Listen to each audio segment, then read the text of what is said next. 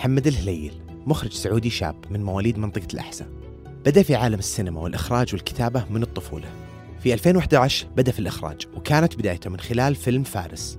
بعده عمل هارد دريم والإمبراطور وكسف آخر لحظة غبار وكان فيلمه القصير أنا وأبوي بداية التحول في مسيرته بسبب النجاح اللي رافق هذا الفيلم بعد مشاركته في مهرجان الشارقة السينمائي. قدم بعد ذلك فيلم ماطور الفائز بجائزة أفضل فيلم روائي قصير في مهرجان بيروت السينمائي ثم قدم فيلم 300 كيلومتر الفائز بجائزة لجنة التحكيم في مهرجان دبي السينمائي. إضافة لفوزه بجائزة أفضل مخرج عن نفس الفيلم في مهرجان أفلام السعودية 2017 شاهدنا له من فترة تجربته التلفزيونية الأولى وهي مسلسل فندق الأقدار وعرض على منصة شاهد. ويعد فيلم أربعون عاما وليلة أول فيلم روائي طويل لمحمد الهليل. الفيلم تم دعمه من مهرجان البحر الأحمر السينمائي الدولي وعرض في عدة مهرجانات سينمائية دولية ونال ثلاث جوائز في مهرجان أفلام السعودية في نسخته الأخيرة إضافة إلى أنه كان فيلم الافتتاح لمهرجان مالمو للسينما العربية في السويد ويعرض حاليا على منصة نتفليكس. لا يفوتكم الفيلم في جلستنا اليوم مع محمد راح نتكلم عن مواضيع كثيرة عن أفلام القصيرة اللي اشتغل عليها عن طفولته وبداية شغفه في السينما وراح نتكلم عن فيلمه الأخير 40 عاما وليلة والمشاريع القادمة والمساحات اللي حاب يستكشفها. وقبل ما نبدأ حلقتنا اليوم حاب أقدم شكر لحبايبنا في موفي سينما على دعمهم لحلقة اليوم ودعمهم المستمر لصناعة الأفلام السعودية. شكرا لهم وبسم الله بدينا. أنا انولدت في الحسا سنة 97 وعشت كل حياتي في الحسا. يعني أنا جيت من بيت آه، كذا مرة محظوظ بأم وأب عظيمين و- وأخوان رهيبين مرة. يعني أنا علاقتي مع أخواني مرة كذا آه، خاصة كم خصوصاً أنتم؟ كم إخوانك وأخواتك؟ إحنا سبعة. أنا بالضبط في النص. أوكي زي أنا آه ولد بنت ولد بنت. يا أخي في أشياء مشتركة بين ال- اللي في النص أحس يعني. يعني اللي الاصدقاء ينتج منها فن يعني. آه طبعا يعني وأنا صغير على حسب إيش الزاوية اللي انظر لها اللي انظر منها إلى طفولتي بس يعني من ناحية إنه أنا مرة جربت أشياء كثير. يعني جات لي فترة كنت أقرأ مرة كثير كنت أبي اصير كاتب جات لي فترة كنت أبي اصير graphics designer جات لي فترة أبغى يعني جات لي أشياء مرة كثير مريت فيها. جات لي فترة أصور فوتوغراف. وكنت طبعا يعني زي الأغلبية يعني مرة أحب أشوف مسلسلات وأفلام. بس كل الأفلام اللي كنت أشوفها هذاك الوقت كانت الأفلام اللي يعني أفلام هوليوود الأفلام اللي إحنا كلنا نعرفها يعني. ما هي ما ما, ما كنت أعرف مين ستانلي كوبريك ولا آه سكورسيزي ولا كنت تختار بالممثل مو بالمخرج. مثلا. هذا اللي كنا نسويه ولا اللي. موجود على ال hard disk. ولا اللي موجود على hard disk. ف ف يعني كنت مرة حاب إني أسوي كذا فيلم أو أو يعني يعني كنت حاب أقول قصة بشكل بصري. بس هذاك الوقت خصوصا نتكلم عن 2010 كذا حتى قبل ال DSLR ما كان يعني صعب مرة إنك أنت تسوي فيلم أو شيء زي كذا. بس بعدين نزلت كاميرات ال DSLR وبرضو الشيء اللي مرة كان مؤثر اللي هو آه ال- طبعا في صناع أفلام يمكن من 99 98 بس نتكلم عن 2009 2010 2011 كان في فترة نوعا ما مختلفة من ناحية. كان في انفجار يعني. ممكن تعذر جهلي وتشرح لي ليش ال DSLR سمحت بهالشيء؟ لأن آه، أنت يمديك تصور ب quality كويس وكاميرا سعرها مرة جيد في متناول اليد أذكر D 400 كانون إذا ما كنت غلطان. فتقدر إنك أنت تصور آه، يعني بكاميرا كذا كانت كانت موجودة عندي يعني كاميرا في متناول اليد يعني هل الفكرة إنها صغيرة ورخيصة وال quality حقتها مقبولة؟ yes هل هي وبعد هل الكاميرات اللي قبلها من من النوع الصغيره كانت ما تصور فترة طويلة؟ والله كيف؟ شوف أنا الأشياء التقنية مو مرة شاطر فيها بصراحة بس ما أذكر انه يعني أذكر إنه الكاميرات ما كانت متوفرة أو ما كانت سهل إنك أنت يعني ما هي بمتناول اليد. وأتوقع DSLR غير أشياء مرة كثير في الصناعة كلها. صدق وأنت تتكلم ذكرت وأنا مع محمد الحمود إحنا نتكلم عن تلاشي كان يقول عن كاميرا تقاطوا فيها كلهم. ظاهر. انه كان محمد؟ شيء شيء وعشرين ألف كل الشباب تقطوا فيها وهذه كاميرتنا وتصادرت منهم. وهالشيء مر يعني وما كان في تصاريح. فأعتقد ال DSLR حلت إنه إنها رخيصة وسريعة وموجوده مع كل أحد. كل أحد يقدر يجرب. أتفق. ولما الناس تجرب في ناس كثير يتفلترون وفي ناس كثير يقولون أوه والله يمديني أسويها. يا يا. وأخ... وغير إنك لما تنزل الشارع كذا حجمها صغير كذا كأنك تصور فوتوغراف ولا شيء ف يعني ما هو ما هو شيء يعني تحس إنك كذا كأنك قاعد تصور وثائقي ولا تصور أي شيء اللي مرة الوضع سهل ومريح جدا. حلو.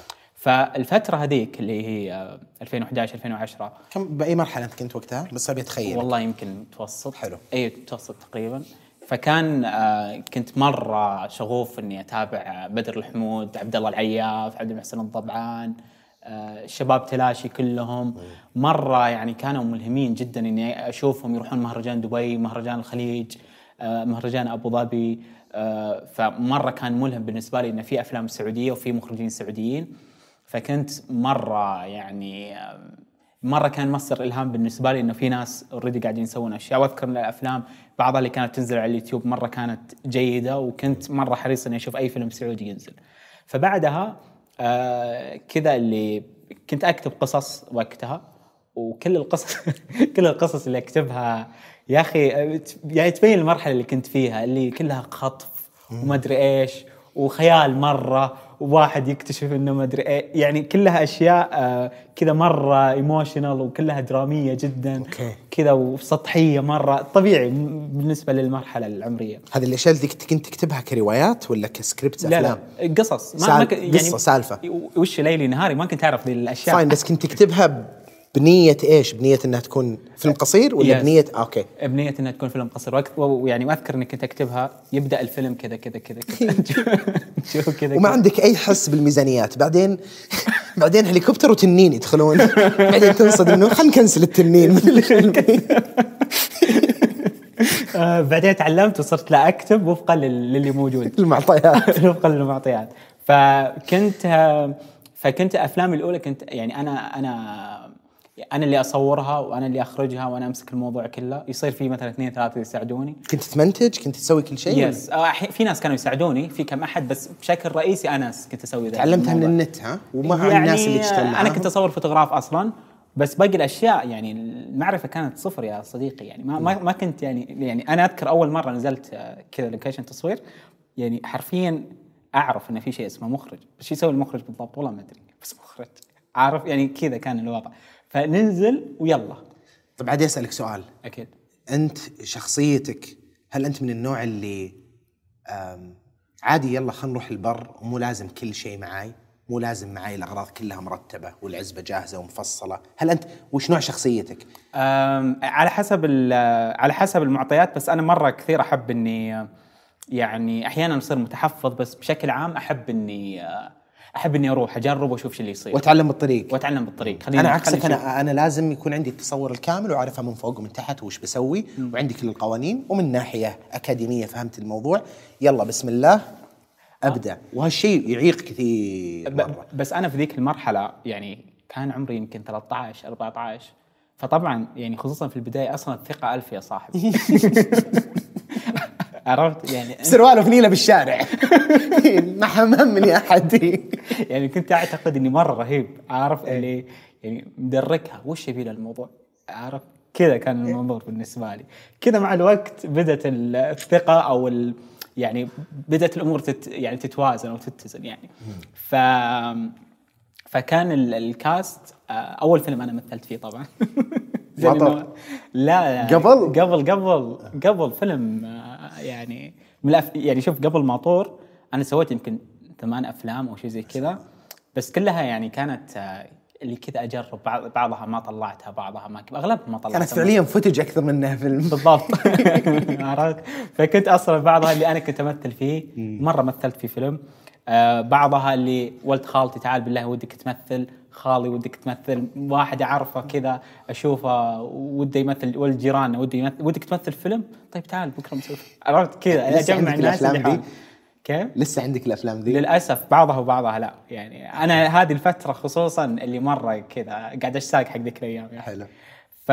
فكانت كان الوضع بهذا بهذا الطريقة يعني. وكنت يعني يعني المحيط أصلا ما ما كان في حولي ناس يعني مهتمين بالأفلام. يعني آه، أنا مثلا آه، يمكن الوحيد اللي حولي اللي مهتم بنوع ب بمجال ثقافي أو كذا فني اللي هو خالي شاعر. يعني يعني عبد الوهاب أبو زيد. طبعا هو مرة داعم يعني من من ذاك الوقت. بس برضو يعني بعيد لكن بشكل عام من أول ما بديت اللي كان شايف شيء معين. وفاهم فاهم اللي بتمر فيه لأنه مر فيه إلى حد ما. بالضبط. مع إنه الشعر متقبل أكثر في المجتمع صحيح. وكذا بس لسه هو فن.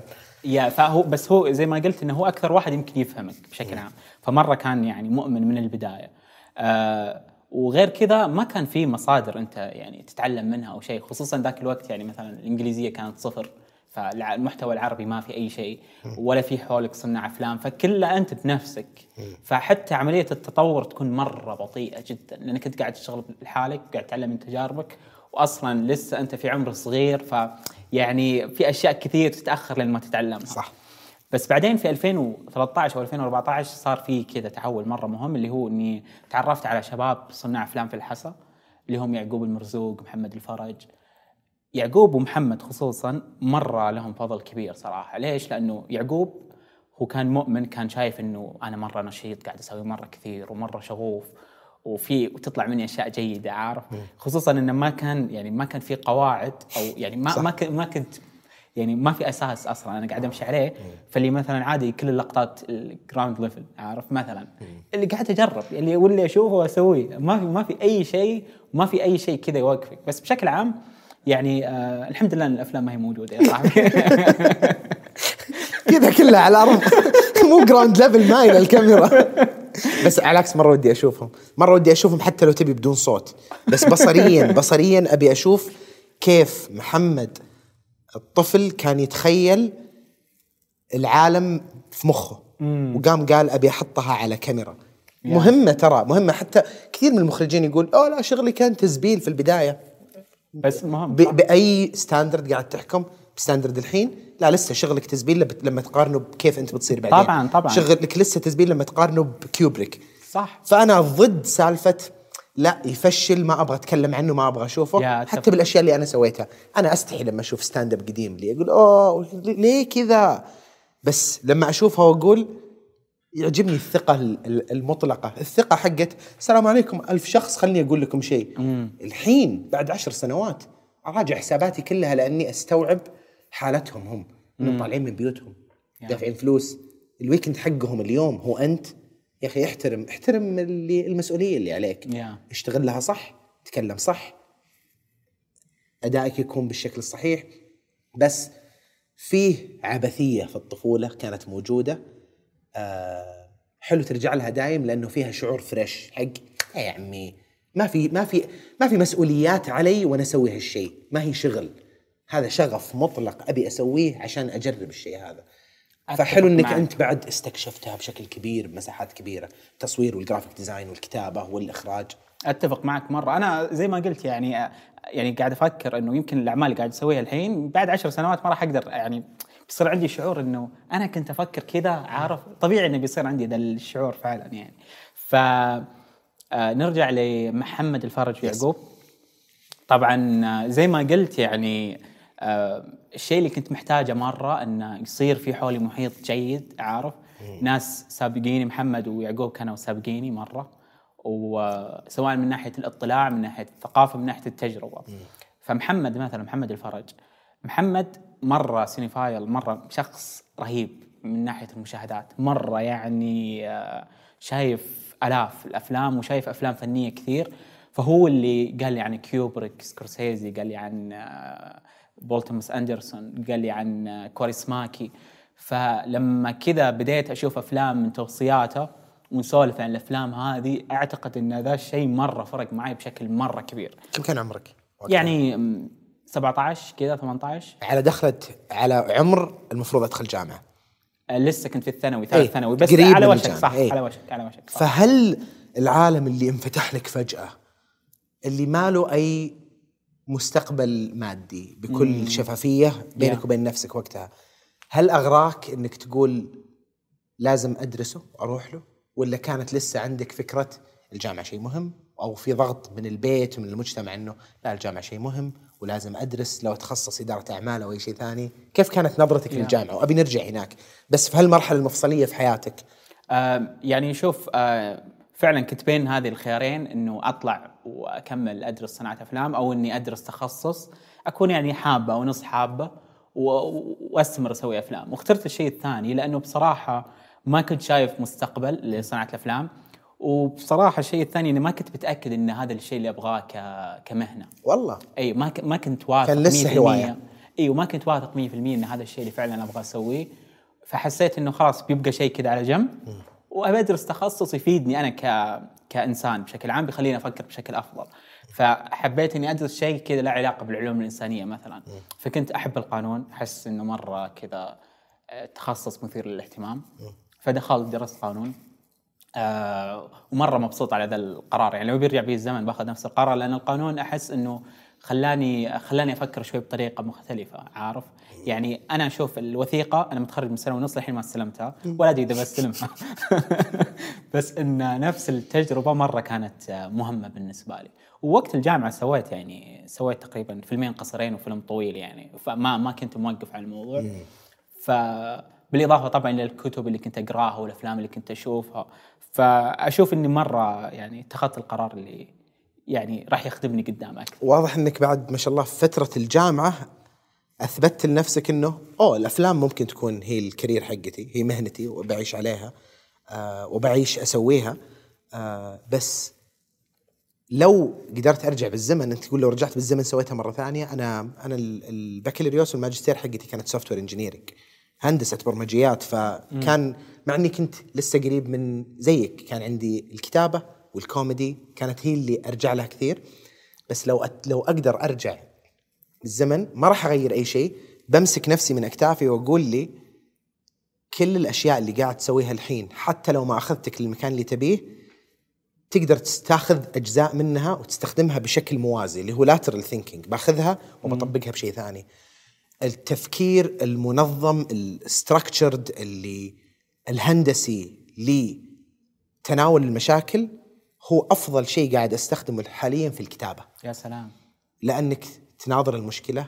الكتابة ترى إحنا نشوفها إنها على إنها إحساس فني أو زي ديث نوت كذا قاعد تكتب على الورقة والكاميرا تتحرك معك وأنت في حالة إنسانية تتجلى وتطرش كل اللي في مخك على الورق. لا ترى فيها جانب هندسي فيها جانب إيش إيش أبي أقول بالضبط في العمل هذا؟ آه الشخصية اللي أنا قاعد أكتبها إيش تبغى بالضبط هي؟ وايش تحتاج بالضبط؟ ودايم اللي تبغاه واللي تحتاجه اللي يسمونها وانت ونيد الوانت هي اللي الشخصية تعتقد إنه هو الشيء التصرف الصحيح في حياتها. والنيد هو الشيء اللي تستوعبه بعدين إنه أوه كل اللي قاعد أسويه أنا قبل غلط. هذه نقطة تحول وأختار فيها قراري هذه غالبا تكون في نص الكتاب في نص الفيلم. هي نقطة تحول الشخصية ومو هي الشخصية الرئيسية حتى الشخصيات الثانوية اللي معاها. وغالبا اللي تحتاجه الشخصية واللي تبغاه الشخصية مرتبط بثيم العمل. بال بالرسالة أو رأي صانع العمل اللي يبغى يوصله بالأخير. ومن هنا الوانت والنيد اللي متضادين في نص العمل تعطي الشخصية قرار أنه يروح مع النيد اللي يحتاجها ويراجع حساباته أو يقول لا راح أكمل على اللي أنا أبغاه لأني أناني ولا لأني عنيد. لو تأخذها Breaking Bad واضحة جدا آه واضحة جدا كيف آه في Breaking Bad والتر وايت كان عنده شيء يبغاه بعدين استوعب بعدين اللي يحتاجه وقال لا راح أكمل على اللي أبغاه اللي هو القوة والفلوس وذا empire business لما الشخصية تراجع حساباتها ويقرر إنه يروح هنا ولا هنا يعطينا جزئين من القصص. نهاية تراجيدية ولا كوميدية؟ وكوميدي ما هو مضحك. آه لو ترجع إلى الإغريق. الق- القصص كانت عندهم واضحة. كل قصة تنقال يا إنها دراما يا إنها عفوا كوميدي ولا تراجيدي. آه، دانتي كان عنده ال- ال- الكوميديا الإلهية The Divine Comedy كانت قصته عن إنه راح قصة قصة قريبة من قصة الإسراء والمعراج إنه راح حكاها بطريقة معينة وكل الديانات عندهم ذا الشيء. كانت ليش هي Divine Comedy ما فيها أي شيء يضحك بس نهايتها سعيدة. فالكوميديا هي اللي نهايتها سعيدة التراجيديا اللي نهايتها حزينة. من وين تجي الكوميديا والتراجيدي؟ إنه الشخصية يعرف وش يبي. عنده شيء يبيه بس بعدين يستوعب شيء يحتاجه. هذا العمق في الكتابة صار سهل لي إني أستوعبه لما درسته. يا سلام. من خلفيتي ال... لأنك وانت تكتب؟ وانت تكتب؟ حتى تجي تقول أوه هل الشخصية قاعد يسوي التصرف الصحيح؟ لأني أنا محدد من الأول هو يحتاج إيش. فالمشاهد تبدأ تكتب نفسها. الأحداث تبدأ تكتب نفسها يكون فيه منطق داخلي للشخصية تقول لا يا عمي فلان ما يسوي كذا كأنه واحد من الشباب مع إنه هو شخصية مكتوبة على ورق. فلا تستهين كيف القانون راح ينعكس على حياتك بعدين. طبعاً. وأتمنى إن واحد قال لي هالشيء وخلاني أجرب أشياء كثيرة وخلاني ما أقول إذا هذا ما يصب في هدفي النهائي اللي سبحان الله عرفته وأنا عمري 17 وراح يكون هي نهاية حياتي. لا يا عمي سالفة الجامعة إن هي ال- القرار الوحيد اللي بي- بيحدد حياتك سالفة ال- المهنة الأولى اللي بتسويها اللي بتحدد حياتك كبه في الزباله أتفق كبه معك في الزباله جداً. أتفق وأتمنى كل أحد في الجامعة يستوعب ذا الشيء بطريقة أو أخرى. صح صح. لسه يعني زي ما قلت آه، يعني دائما الشيء المعرفة اللي أنت أخذها أو الشيء اللي تدرسه راح يفيدك بطريقة بطريقة ما. راح يصب في الشيء اللي أنت تبيه بعدين بطريقة ما. يعني أنا متأكد إنه لنفرض إن أنا بعد مثلا عشر سنوات غيرت رأيي مثلا. أنا متأكد إنه هذه السنوات اللي قضيتها وأنا مخرج راح تفيدني. في أي مجال أنا راح أروح شكراً. فأتفق معك جدا. حلو. فقبل سنة ونص خلصت الجامعة الوثيقة متكية عندهم. كمل لي آه، خلينا نرجع شوي مع الشباب ال group اللي تعرفت عليهم وكيف أثروا عليك. آه فزي ما قلت محمد مرة يعني آه ساعدني في إن إن أعرف عن مثلا الموجة الفرنسية مثلا أشوف أفلام جودار تروفو آه الواقعية الإيطالية الجديدة اللي خلاص هو في زي اللي فتح لي الباب وأنا رحت يعني خلاص بديت إني أشوف. وأذكر يعني كانت أيام مرة رهيبة إن ممكن في السنة أشوف مثلا 200 فيلم 300 فيلم. واللي يلا مثلا أمسك آه، جودار يلا أشوف أفلام. كل أشوف أفلامه. مثلا أيوه أشوف خمس أهم خمس أفلام له أمسك كيوبريك أمسك آه، هيتشكوك. فمرة كانت كذا مرحلة رهيبة وزي العالم رهيب كذا انفتح لك. يعقوب زي ما قلت إنه هو كان شايف فيني شيء يعطيه العافية. ما أدري إيش كان شايف. زين.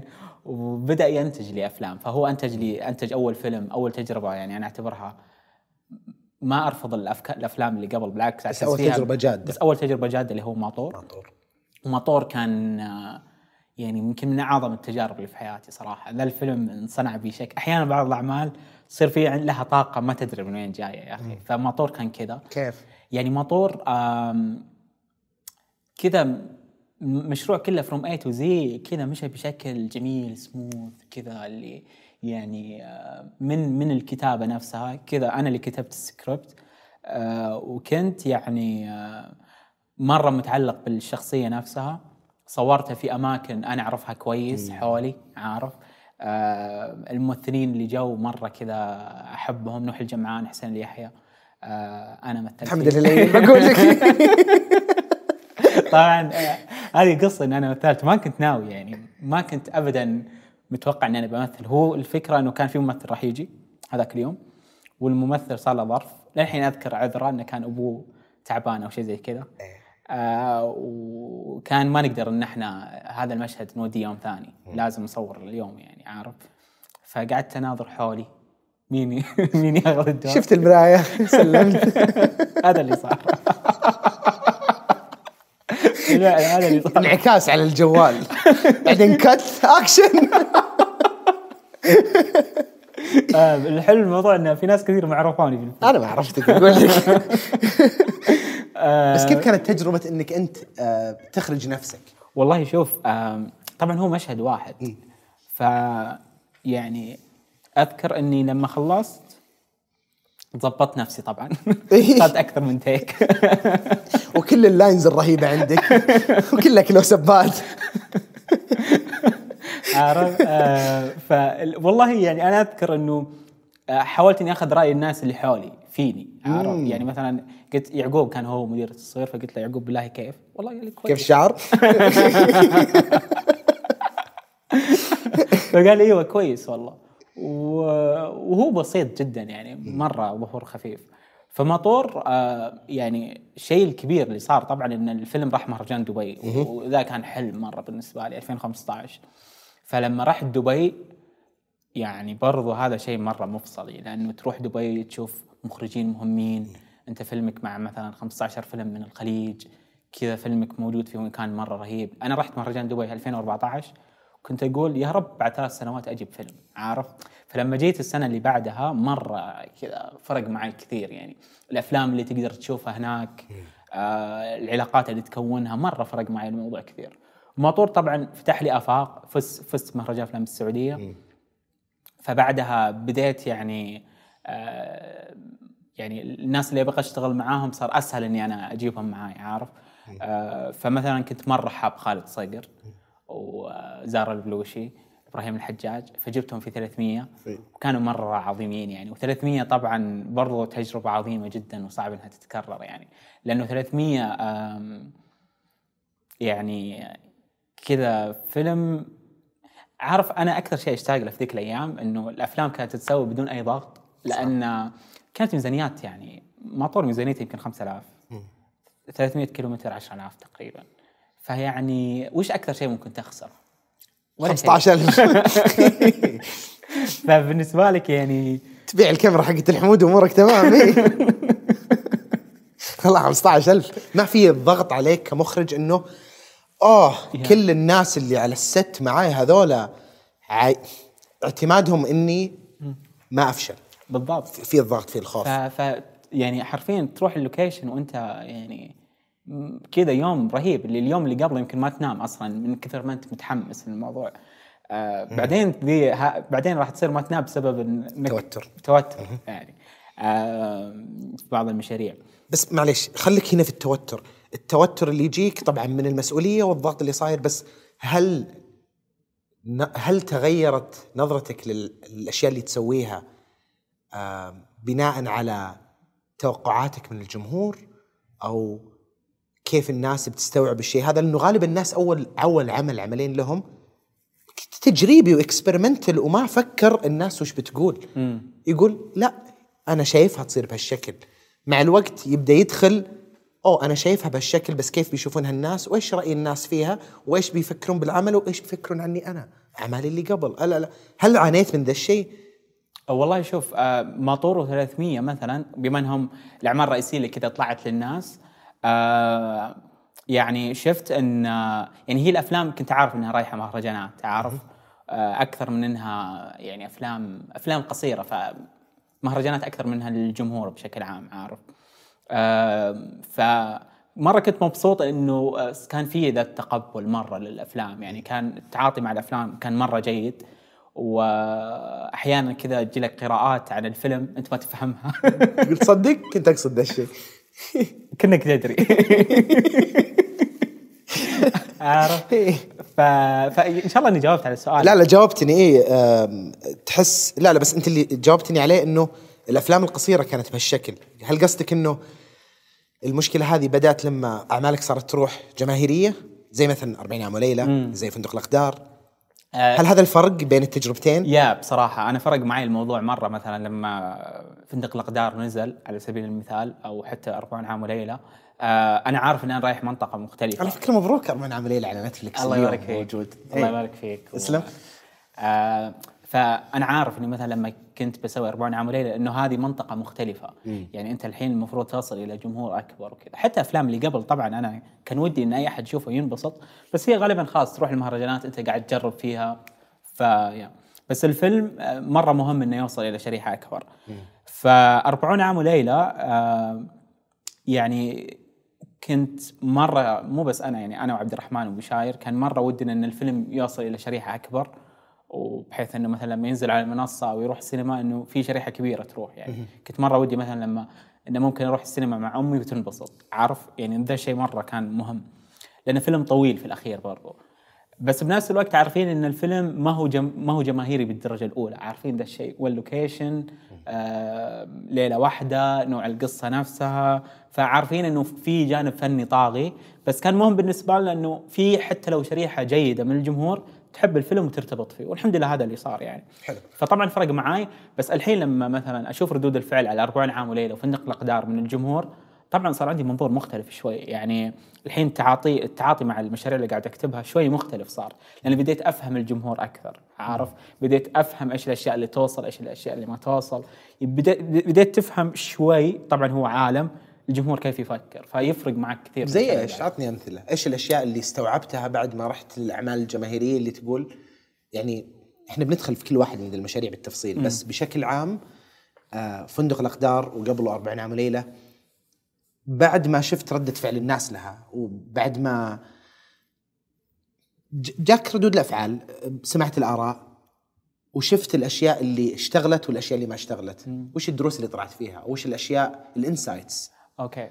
أم والله شوف مرة أشياء كثير بس اللي يحضرني الحين مثلا إن الجمهور بشكل عام آه يعني خصوصا في السينما أحس إنه لما الواحد بيروح قاعة سينما weekend مع ربعه أو شيء زي كذا هو يبغى يشوف شيء ينبسط عليه شيء آه، يعطيه ذي ال- المتعة والإثارة. الإثارة يحرك مشاعر كثير سواء فرح سواء مرة عاطفي سواء مرة كذا تشويق.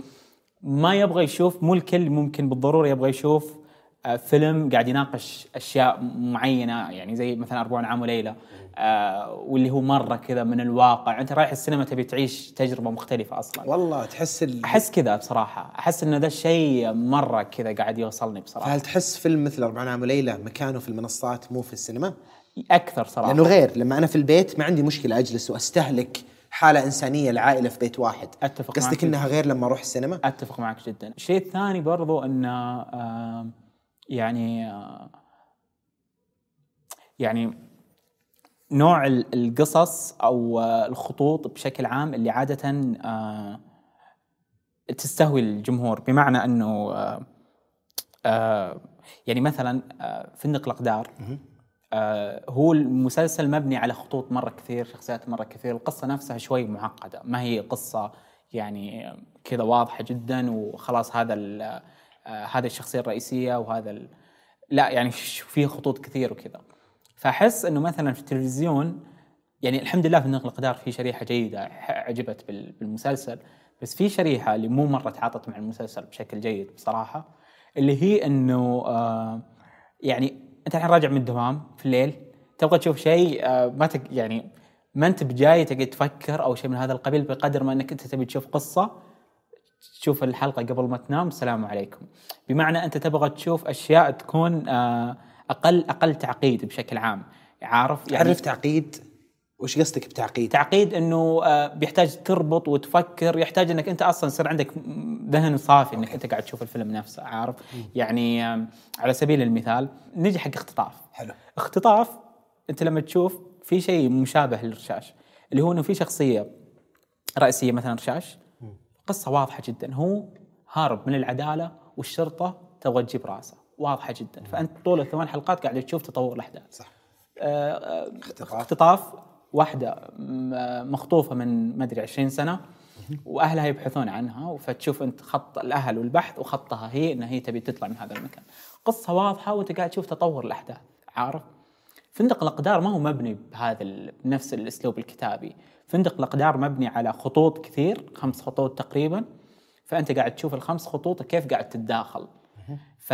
فأنت عشان تعرف مثلا الخط الأول إيش علاقته بالخط الخامس، الخط الخامس إيش علاقته بالخط الثالث، يعني يحت... طريقة تعاطي أو مشاهدة المسلسل مختلفة شوي عن النوع الآخر، ما هو شيء أفضل من شيء ابدا ولا شيء أعلى من شيء، اللهم إن هي أنماط مختلفة يعني.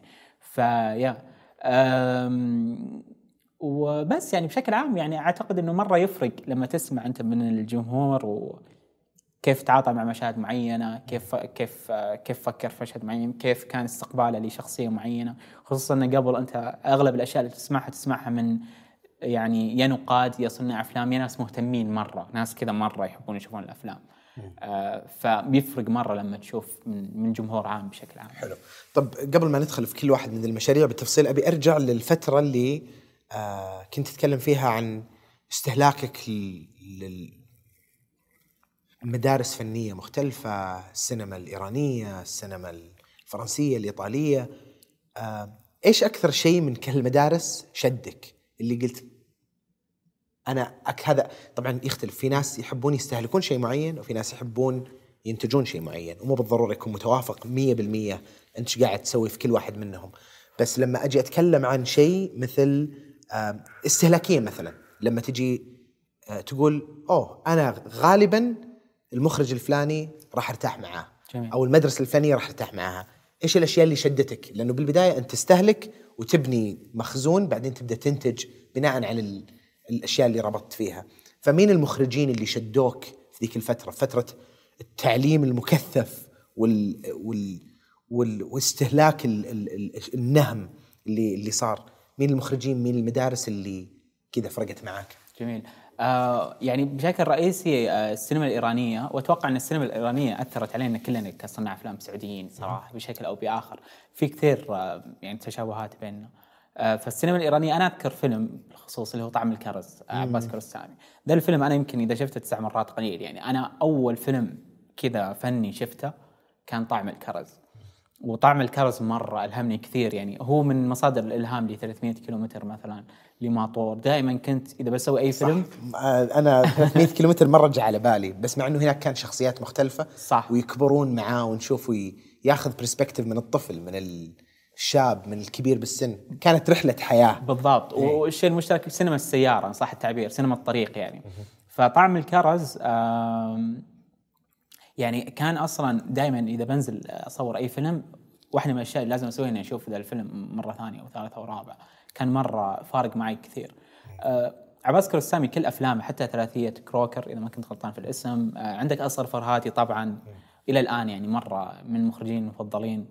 آه وحتى يعني بعيدا عن السينما الإيرانية حتى الواقعية الإيطالية بشكل عام وحتى ال ال الواقعية البريطانية برضو. يعني مثلا أفلام زي آه آه آي دانيال بليك اللي هو اللي اخرج ما يحضرني اسمي والله.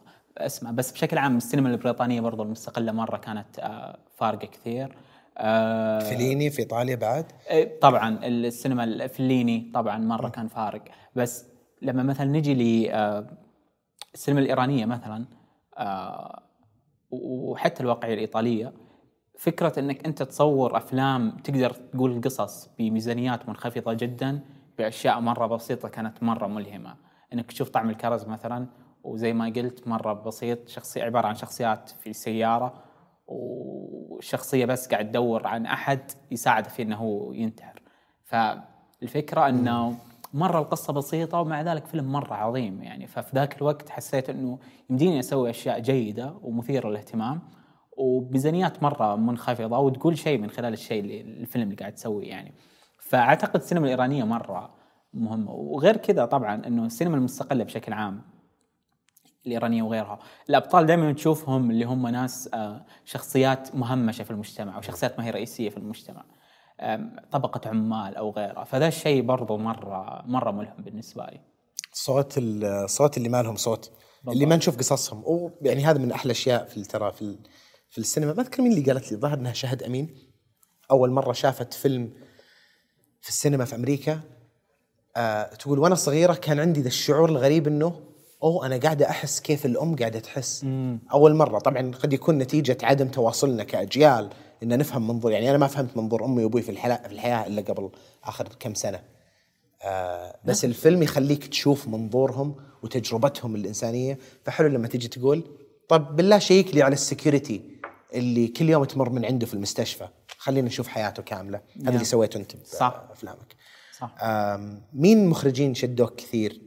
حبيت يعني آم، يعني من ال- من المخرجين السائدين حاليا من هوليوود لأنه واضح تأثير السينما الإيرانية على أعمالك واضح على طريقة على كثير من المخرجين السعوديين يعني زي ما تفضلت.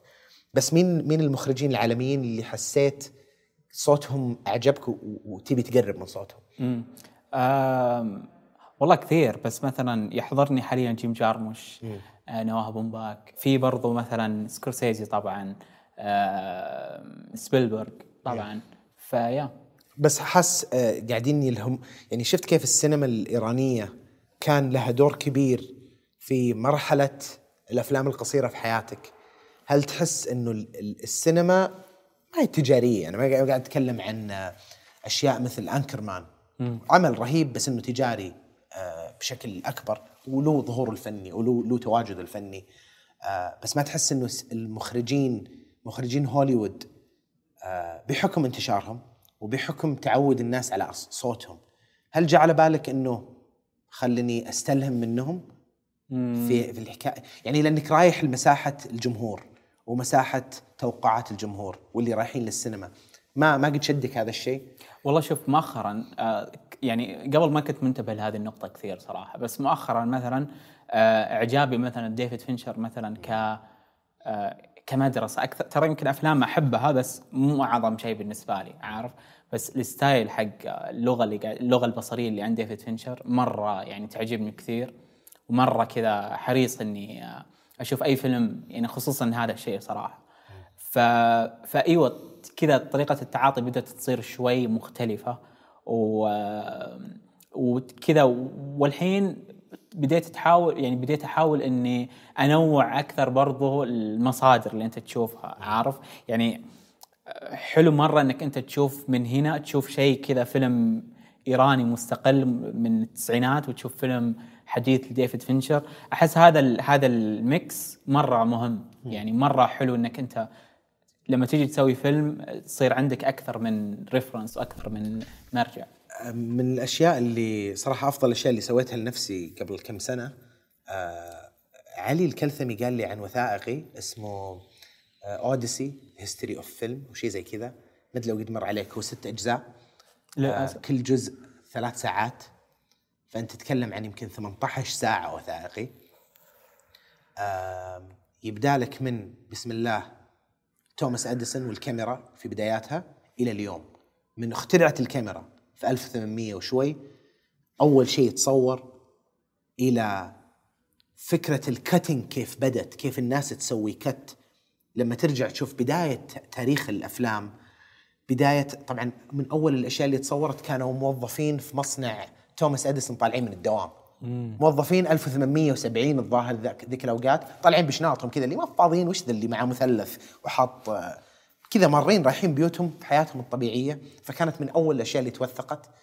بعدين تشوف كيف جو آه، Lumière Brothers وأخذوها واستخدموا الكاميرا في حكاية قصص. بعدين يبدأ يتكلم لك عن بداية الأفلام كيف إنها كانت تصور كأنها مسرحية. من زاوية واحدة البيت يطيح من هنا الناس يتحركون في البيت يطلون من الشبابيك. بعدين المشهد اللي بعده إحنا نروح جوا في البيت لسه الممثلين يتكلمون بهالشكل والكاميرا من هنا.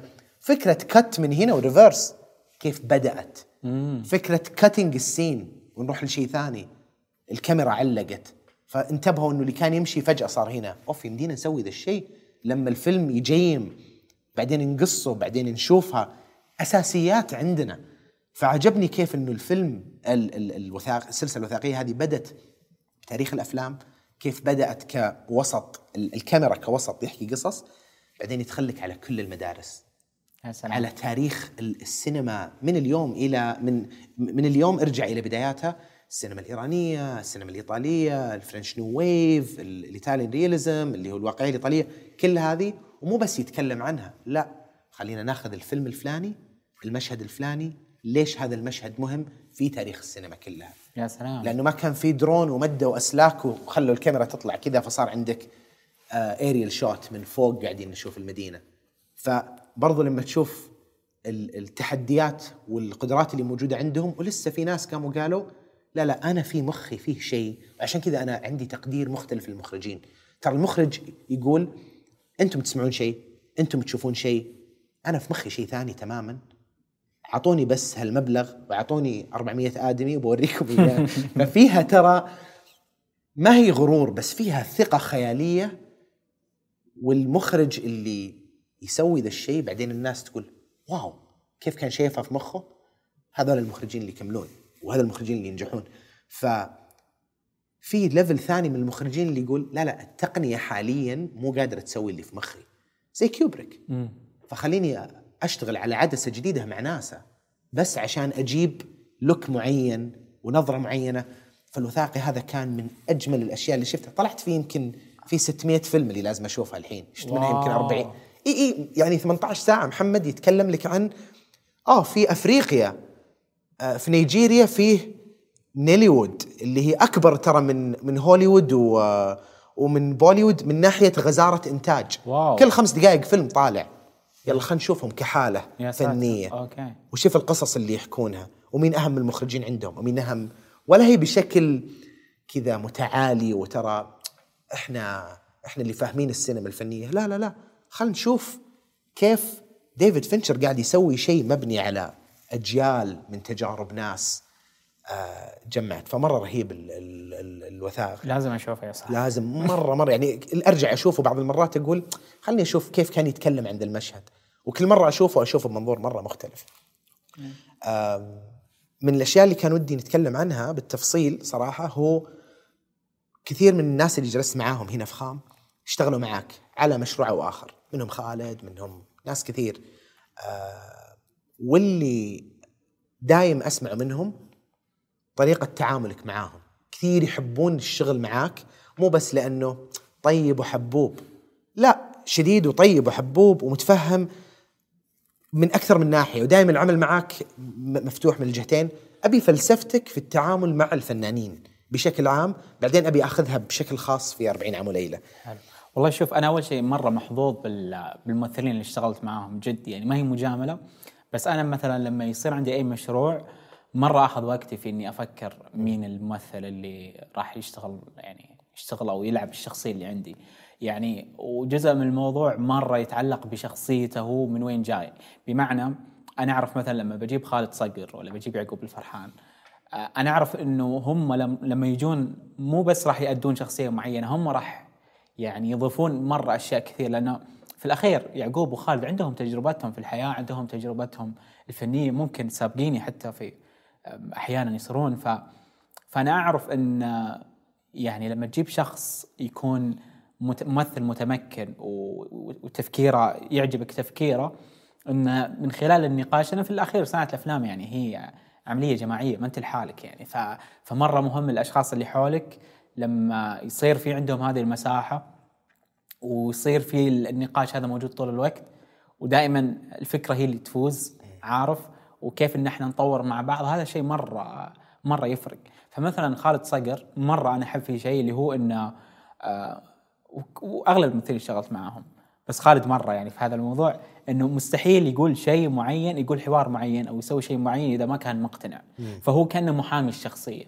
وهذا المفروض يعني صراحة حارب الممثل للشخصيه بالضبط. المفروض إنه هو يعني كل فعل وكل حوار لكل شخصية يكون هو وكل حتى البلوكينج حتى الحركة نفسها يعني صح ان هي ترسم من المخرج بس مهم إنه هو برضه يفهم ويكون مقتنع بالحركة نفسها أو بالطريقة. مو لازم يكون مقتنع تماما ما هي حرب بس إنه في الأخير إنه يكون على الأقل فاهم ليش هو قاعد يسوي كذا. لأنه هو في الأخير ما هو أداة بقدر ما هو ممثل وهو عنده قدرات يعني في أشياء هو شاطر فيها أكثر منك منك أنت كممثل. فأحيانا أنت تبي شعور معين تبي شيء معين فلما تتناقش مع الممثل ممكن يعطيك فكرة معينة أو شيء معين أفضل من أنت اللي متخيله بكثير. فأنا مثلا دائما أو غالبا لما أروح ال- اللوكيشن عندي مشهد معين أكون متخيل الأداء كيف راح يكون. بس آه كثير من الأحيان لما أتكلم مثلا مع الممثل نتناقش في المشهد إن الشخصية هنا وش تبي؟ آه وش وضع المشهد؟ إيش قبل؟ إيش بعد؟ وكذا. فيصير إن يعني زي ما قلت لك أنا محظوظ الممثلين اشتغلت معهم مرة شطار إن يقترح أشياء معينة بناء على النقاش.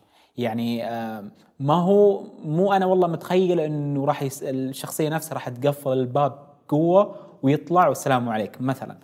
أحيانا ممكن هو يعبر تجي له فكرة معينة ويحسها يعبر عن الغضب بطريقة مرة أفضل من اللي أنت متخيله. تصير معي مرة كثير. لأنه لما أتكلم مع الممثل تتكلم عن الشخصية وش تبي فيطلع بأفكار مرة تصير مرة تصير كذا رهيبة يعني. و... وأعتقد لغه الحوار مع الممثل يعني هذا عالم كبير وأنا مرة مهتم فيه دائما أحاول إني كل يوم أتطور فيه. بس في كتاب مرة رهيب أنا مرة غير فيني اللي هو اسمه Directing Actors هذا الكتاب مرة يعني أنا أحس أي مهتم لازم يقرأه وأنا يعني قريته مؤخرا قبل سنتين تقريبا راح أحرص إني اقراه من جديد لأنه مرة غير منظوري في أشياء كثير في من ناحية؟ الممثل. يعني مثلا آه أنت مرة مهم إنك تفهم الممثل فأي ممثل آه في شيء كذا رئيسي اللي هو إنه لازم يصير العلاقة مبنية على الثقة إذا الممثل اهتزت ثقته فيك صعب إن الموضوع يعني يتظبط ممكن هو راح يظل معاك وراح يسوي الشيء اللي أنت تبيه بس طالما هو مش مقتنع ومرتاح مرة وحاسس بالأمان صعب مرة إنك أنت تطلع أفضل شيء عنده. الشغلة الثانية الكتاب خلاني برضو أفهم آه، الممثل وش كيف يفكر، يعني الممثلين آه، أكثر ناس حساسين في الحياة، وطبيعي لأنه كل الأنظار عليك أنت كممثل، يعني أنا الحين في ال interview لو مثلا في كذا ناس موجودين ممكن أكون أكثر واحد متوتر، ليش؟ لأنه يعني الكل ممكن راح يحكم علي، أو قلت كذا سويت كذا، فلما أحس إن البيئة ما هي آه، يعني Safe. safe مرة راح أكون خايف وراح أكون متوتر وصعب إني أطلع أفضل شيء عندي. وغير طبعا لغة الحوار نفسها يعني آه، آه، كيف أنت توجيه الممثلين نفسهم. يعني مرة ما هي ما هو شيء كويس إنك تقوله بالضبط وش تبي. okay فلان تجي تقعد على الكرسي تتكلم مع محمد تتكلم معك كذا كذا ابيك تقولها كذا كذا كذا. وبعدين توخر الكوب وتقوم وأنت غضبان. هو راح يكون أداء. عكس ما تقول له أنت الحين تقعد مع محمد أنت مرة آه، غاضب من محمد بسبب كذا وكذا وكذا بس أنت مضطر إنك أنت تخبي هذا الغضب. فهو لا تحاول تقول لي شيء يا خوي فهو يعني راح يجي بس أنك تستعرض الحالة الإنسانية قبل المشهد. قبل المشهد. فهو بناء على الحالة راح حتى الأداء نفسه راح يجي فريش يعني. يعني حتى هو راح يجي ما راح يكون حاسب وش راح يس... هو حاسب الحالة فحركاته كذا ما راح يكون يفكر فيها وهو قاعد يأدي. لا هي راح تجي بشكل آه، طبيعي. أعتقد يختفي وهذا يعني من كيسي 100% ترى بس أحس الفرق بين الطريقتين إنه لما تعطيه تعطي شخص المساحة إنه يحل مشكلة بطريقته ما في معيار لنجاح المشهد. ما هي مثل تسويها بهالطريقة وتقولها بهالطريقة وتمسك الكوب بهالطريقة وترميه بهالشكل وتطلع. لو ما سويت واحدة منهم أنت already غلطان. بغض النظر المشهد جميل ولا لا صح. أنت ما سمعت كلامي. صح. فمن البداية علاقه ال... يعني حتى لو كان المخرج ما عنده إشكال الممثل يكون مشغول ب ما سويتها بالشكل الصح. بغض النظر يعني بعكس إنك تقول له سويها بالطريقة اللي أنت تشوفها بس الإحساس اللي بيطلع منها هو الشيء بأخذ بعين الاعتبار إنه الشخصية كانت تفكر بهالشكل. وهذه حالتها الإنسانية. أتفق جدا مرة أتفق معاك. وشوف يعني في استثناءات أحيانا يعني أحيانا في مشاهد معينة يعني لازم تسوي بهذه الطريقة بس ستيل مهم إنه هو يكون فاهم مرة الحالة ومقتنع أو فاهم بالضبط هو إيش قاعد يسوي. آه، وصدقني يعني آه، أنا أذكر مشاهد كثير يعني بما إني يعني فندق الاقدار هو آخر عمل يعني كل الممثلين بدون استثناء في أشياء مرة كثير كنت متخيلها بشكل سواها بشكل أفضل من اللي تخيلته بكثير يعني. هل هي تنازلات من عندك ولا تنصدم إنه في شيء أحسن وتقعد معاه؟ آه أنصدم صراحة. يعني اي يعني هو, هو أنت في الأخير تبي تسوي الشيء الأفضل والشيء الأصدق. يعني الفكرة إن أنت تبي تطلع أداء صادق. فأنا أحيانا مثلا أكون جاي ومتخيل الأداء بشكل معين. من وأنا كنت أقرأ السكريبت متخيل إنه هو راح يسوي يعني المشهد بهذا الشكل. بس أحيانا ممكن نجرب أقترح على الممثل إنه إيش رأيك نجرب كذا؟ تزبط. بس برضو حتى أنت لما تعطيه الكومنت وتعطيه هذا الاقتراح بدون ضغط بدون إنه أوه هذا الشيء الوحيد الصحيح اللي لازم تسويه خلينا نجرب ممكن يزبط. فأكثر في أغلب الأحيان لا والله يعني الشيء الأفضل فعلا هو اللي صار من الممثل. ما هو ما هو تنازل. هل في أي أثر عكسي لها؟ إنه لما تكون تاخذ وتعطي وتتفهم ما تخاف أو ما قد مر عليك تجارب الممثل لا يقلب خلاص يصير متمسك بارائه أكثر لأنك فتحت له مجال. يعني هذا تخوف آه. كثير من المخرجين اللي يتكلم معاهم. الناس الشديدين يقول لا لا إذا فتحت الباب تنكب تنفل السبحه آه، خلاص احترامي بالست يقل. إذا أنا ما أخذ القرارات بشكل معين فيعني كثير من المخرجين يقولون لازم ترى كل يوم أسوي فصلة سريعة بس عشان أذكر كل أحد. هي ام ذا بوس أنا اللي قاعد هل هل قد انسحبت لذيك المساحات؟ لا ما ما أعتقد. شوف هو الفكرة أنت كمخرج آه، الممثل في الأخير أو أي أحد من فريق العمل هو في الأخير الشيء اللي يبغاه يبغى واحد يبغى مخرج عارف وش يبغى يعني ما ما هو ما راح يستمتع إنه يحس إنه إنه هو السيطرة عنده. يعني راح يكون من الغباء ان ممثل يعتقد إنه هو مسيطر على المخرج أصلا. مستحيل يكون ممثل جيد لأنه في الأخير أنت محتاج إلى شخص آخر محتاج رأي محتاج أحد تثق فيه. فالفكرة إنه مهم تكون أنت عارف إيش تبغى أصلا. يعني انت يعني أنت لما تجي مع الممثل وتتكلم معه بهذه الطريقة أنت في الأخير عارف إيش تبي.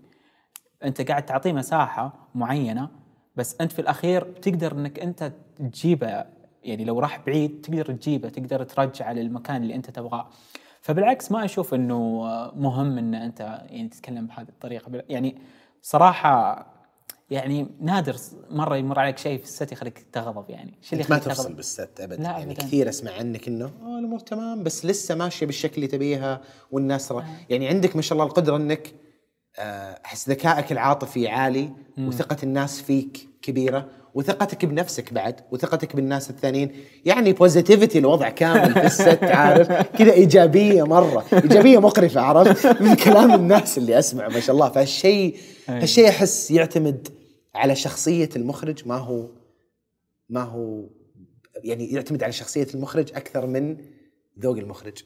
صح. عارف؟ لأنها أحس إنها قدرة جانبية أو أحد أدواتك الجانب ما هي الأساسية الثانوية اللي توصل فيها لل... للغاية الرئيسية وإنك يطلع العمل بأفضل شكل. صح. وهي يعني وهي اللعبة كلها لعبة تواصل أصلا. يعني أنت أغلب شغلك هو شغل تواصل. يعني سواء تواصلك مع الممثلين تواصلك مع مدير التصوير تواصلك مع المنتج. فكل أحد فيه لغة معينة. طبعا إنك أنت ما تفصل مثلا آه، أحيانا تفصل بس طبعا فصل عن فصل يعني طريقة الفصل تختلف. في ناس يفصلون بهدوء. إيه.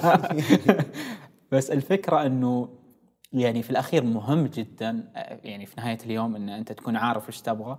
حتى لو أنت عارف مو عارف إيش اللي تبغى لازم تمثل إنك تعرف لأنه برضو آه يعني في سبعين واحد قاعدين ينتظرون أنت وش قاعد تفكر عارف؟ فمهم جدا ومهم إنك أنت عندك السيطرة إنك تجيب الأشياء للمكان اللي أنت تبيه. مرة مهم لأنه زي ما تفضلت إنه يعني خصوصا لما مثلا أنت تفتح ال... تفتح الباب مرة وفي كثير أو فتحت الباب لفلان أنا طيب. عارف؟ فبينفتح شيء أنت ما تبغاه. بس زي ما قلت لك يعني أنا أرجع وأقول إنه الناس اللي اشتغلت معهم بشكل عام صراحة مرة ناس يعني حقيقيين يعني فنانين فعلا. وأحس هذا الجو العام الصراحة يعني باللي قاعد يصير الحين. في في فيها في في جو لذيذ من إيه كلنا نبغى نشتغل مع بعض ونضبط بعض ونتأكد إن أعمالنا لأنه لأول مرة كل أحد في الصناعة عنده هدف واحد. ف يعني الغالبية مو كل أحد طبعا. الغالبية عندهم رؤية واحدة وعندهم مو بالضرورة الطريق واحد بس توجه واحد. فيصير في التعاون وقاعد أسمعها كثير وقاعد أشوفها كثير وفيها إيجابية لذيذة مرة. وأعتقد ترى إسقاطاتي مرة ثانية من كيسي نقدر نكبها بالزباله أحس وجود شيء مثل مهرجان أفلام السعودية كان مرة مهم في صناعة هالأجواء. يعني طبعا. أنت لما تروح تسوي تسوي مشروع مع خالد وين أنتم خالد من قبل؟ وشفتوا بعض تكبرون مع بعض وتتطورون مع بعض. وحكيتوا والناس كلهم تشاركوا ترى آه، أكثر اللحظات آه، تعاسة وصعوبة اللي إيش قاعدين نسوي إحنا؟ مو رايح إلى يعني مو مقعد مو مخلينا نشتغل إلا لأن نحب الشيء هذا. طبعا. وكل الصعوبات اللي قاعدين نمر فيها وقاعدين نتعلم فيها. ولا أحط نفسي مع الناس أنا كنت بعيد جدا عن الصناعة آخر عشر سنوات كنت أكتب من بعيد. فلهالسبب أنا عندي احترام كبير لكل أحد اليوم جلس يكافح عشر سنوات وجزء كبير من ممكن حتى أقول لك إنه المرحلة الأولى من خام بالنسبة لي هي رسالة حب وشكر لكل اللي سووا هالشيء. الناس اللي قالوا لا لا ما عندي أي وضوح وين رايح أنا بس راح أكمل فيه من شغف. يعني من تلاشي إلى اليوم. ناس يعني. كثير اللي قالوا لا لا ما عليك ما في صناعة ما في سينما ما عندنا حتى أفلام نشوفها وإنترنت وقتها بس لسه عندنا ذا الشغف. صادق. يا أخي مرة كلامك جميل وفي شغلتين. أول شيء مرة مهم اللي قلته على الشباب اللي كانوا بادين من 2009 و2008 وقبل. لأنه فعليا آه، يعني مرة أنا مثلا ألهموني وأنا متأكد إنهم ألهموا ناس مرة كثير. لأن تخيل أنت في 2009 أو 2010 أو 2008 تسوي فيلم. صعب مرة صعب جدا جدا جدا. يعني أنت لازم تبتدي من الصفر في كل شيء. أنت ما عندك مدير مديرين تصوير ما عندك ممثلين ما عندك فمرة أنا أحترم مثلا تجربة عبد الله العياف ولا تجربة بدر الحمود ولا عبد المحسن الضبعان ولا الشباب كلهم يعني ما ودي أنسى أسماء. بس فعلا كان مرة صعب. الشيء الثاني مهرجان افلام السعودية. مهرجان افلام السعودية طبعا يعني مرحلة مهمة بالنسبة لي جدا. مهرجان افلام السعودية أنا أعتقد إنه مرة ساهم في إنه يختصر الطريق. مو بس لي أنا متأكد ناس كثير.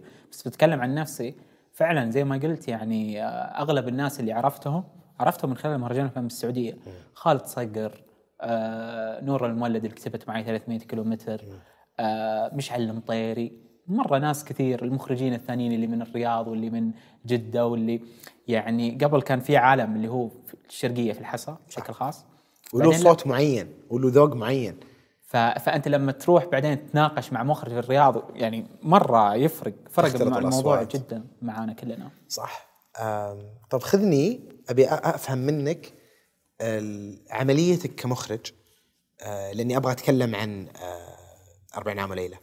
بالتفصيل الصراحه بس لما يجيك نص أو خلينا ناخذ خطوة قبل هل تفضل تشتغل على تخرج أشياء أنت كتبتها ولا ما تفرق معك شيء أنت كتبته ولا كتبه شخص ثاني؟ هل عندك يعني بريفرنس أو والله أفضلية؟ أفضل أفضل إني آه، يعني أسوي شيء أنا كاتبه.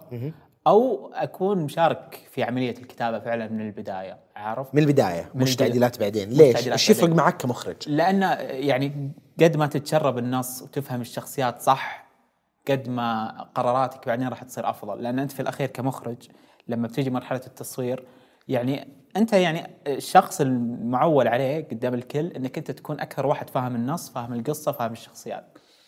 ف فقد ما تكون أنت موجود من البداية حتى ال ال ال الإضافات والأشياء اللي أنت بتحطها على السكريبت بتصير أكبر. لما أنت تصير موجود من مرحلة مبكرة لما تحط أشياء من عندك أشياء شخصية آه، أفكار من عندك آه، خلاص يعني بيسهل مرة العملية وبيخلي العملية راح تكون أفضل. لأن لما أنت تنضم بعدين خلاص قد النص يعني صار.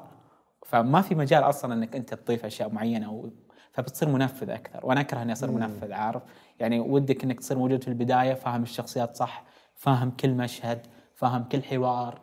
تناقشت مع الكاتب مرة كثير آه عارف كل شيء ليش موجود إيش السبب إيش الدافع لأن بعدين في ممثلين راح تتعامل معاهم فلازم تكون فاهم كل شيء موجود في النص عشان قراراتك تكون يعني مبنيه على شيء معين عارف؟ أو حتى أنت كيف راح تحرك الكاميرا يعني؟ وين بتحط الكاميرا؟ إذا ما كنت فاهم النص مرة كويس ومتشربة صح ما راح تكون قراراتك بنفس تقدر تشرح ذي النقطة لما تقرأ شيء على ورق كيف تتخيله على الشاشة كمخرج؟ اجين أنا ما ما ما أعرف بالإخراج. آه، بس دايم آه، أنصدم أو أتفاجأ لما أحد يشوف لما أشوف مشهد خيالي بعدين أرجع اقراه في النص. زي أحب أقرأ نص Django Unchained دايم أرجع له يعجبني نص ترنتينو لما أشوف شفت الفيلم أكثر من مرة بعدين لما أرجع أقرأ السكريبت اللي هو كاتبه ترنتينو أصلا لما أشوف الوصف أقول لا يمكن المشهد هذا يصور بطريقة أفضل من هذه. وكيف تخيلها بصريا بهذا الشكل من ناحية حركة الكاميرا من ناحية ال blocking أماكن الناس حركتهم من ناحية اختيار الزوايا العدسات الإحساس اللي قاعد يطلع. اشرح لي كيف تترجم الكلمات من ورق إلى صور في مخك بعدين تاخذها إلى الشاشة كمخرج. okay. والله شوف آه، أنا أحس واحدة من الأشياء اللي, كذا تبين في أي نص كويس إنه مباشرة تقدر تتخيله بصريا. يعني إذا مشهد مكتوب صح هذا اللي دائما أكتشفه. على طول تقدر تتخيله. ليش؟ لأن الشعور واصل.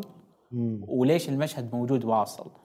فلما أنت تكون يعني أنت في الأخير كمخرج شغلتك الرئيسية أنك أنت قاعد تخدم القصة أنك تبي تقول القصة بأفضل طريقة ممكنة صح. فلما أنت تكون فاهم الشعور نفسه وفاهم الشخصية نفسها وفاهم الموقف نفسه فاهم السياق مرة متمكن منه فبناء على هذا الشيء على طول راح تترجم أو تجي في بالك أفكار معينة يعني آه، راح تتحول مشهد بصريا في مخك وراح آه، يعني كذا اللي مباشرة كذا الشعور نفسه اللي موجود تقدر بتشوفه كذا بصريا. فهل قصدك إنه لما الشعور يكون واضح اختيار الزاوية اختيار العدسة اختيار أي قرار إخراجي بالنسبة لك يكون أداة لتوصيل شعور معين؟ بعدين أنت تقول هذا الشعور تتناسب مع هذه الأشياء بعدين تبنيها؟ بالضبط. وبناء على إيش؟ بناء على إحساسك الداخلي كمخرج ولا على أشياء شفتها من برا ولا وش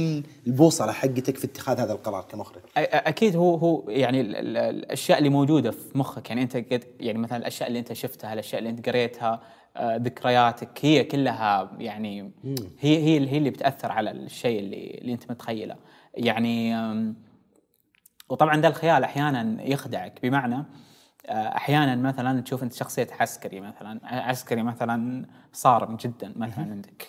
فممكن أنت تكون توك شايف فيلم في عسكري صارم وكان شكله مثلا كان هو مثلا أسمر وطويل وعريض و... أو شفت ممثل فلاني مسوي ذا الدور. أحيانا أنت لا شعوريا تتخيل ذاك الممثل. فأحيانا أنت يبغى لك آه، تكون حذر من الشيء اللي أنت اللي أول شيء جاء في بالك. لأن أحيانا يصير كسل أحيانا يكون أسهل شيء ممكن أعرف. إني أستنسخ مشهد أستنسخ أو أداء أو بالضبط. فأحيانا كذا يعني ممكن ترجع مرة ثانية تقول ماذا لو شيء آخر. مم. فهمتك. طب خذني مع آه، 40 عام وليلة. بما إنه الآن على نتفلكس والناس تقدر تشوفه اليوم خذني على المشروع كيف بدأ متى عرض عليك النص هل كنت داخل فيه من البداية في تطويره وخذني في كل الخطوات. يعني أبي نتكلم عن مرحلة الكتابة أبي نتكلم عن مرحلة تجهيزك للقطات بناء الفريق ال heads of departments اللي هم ال cinematographer والباقي الفريق امشي مشيني عليها. أبي أفهم 40 عام وليلة من منظورك أنت قبل ما أرجع اشوفه مرة ثانية على Netflix جميل. هو المشروع طبعا يعني بدأ يمكن ما أدري 2015 أو 2014 من عبد الرحمن الخوج اللي هو منتج الفيلم. فعبد الرحمن كتب السكريبت بعدين. الحين في Netflix ما شاء الله. آه، فهو عبد الرحمن كتب النص بعدين انضمت له بشاير بشاير عبد العزيز. وبعدين كلموني تقريبا في صيف 2017 إنه كانوا راح يصورون الفيلم ويبغون مخرج. يعني هو كان راح يصوره لو بادجت آه وكذا بيجيب ممثلين محليين وكذا وحتى كان ناوي يصوره في بيتهم أو شيء من هذا القبيل. يعني 2017 يمكن ما كان إلا في فيلمين أتوقع أو شيء زي كذا كان لسه. فلما قريت النص يعني آه، مرة عجبني عجبتني الفكرة مرة. والشيء اللي ريحني إنه عبد الرحمن قال إنه يعني أشعر بالحر فيلمك فأشعر بالحرية إنك أنت تغير زي ما أنت حاب. يعني ان, إن. نطور أيوه من الصفر. فعلا هذا الشيء اللي سويناه اشتغلنا أنا وبشاير وعبد الرحمن مرة كثير على النص.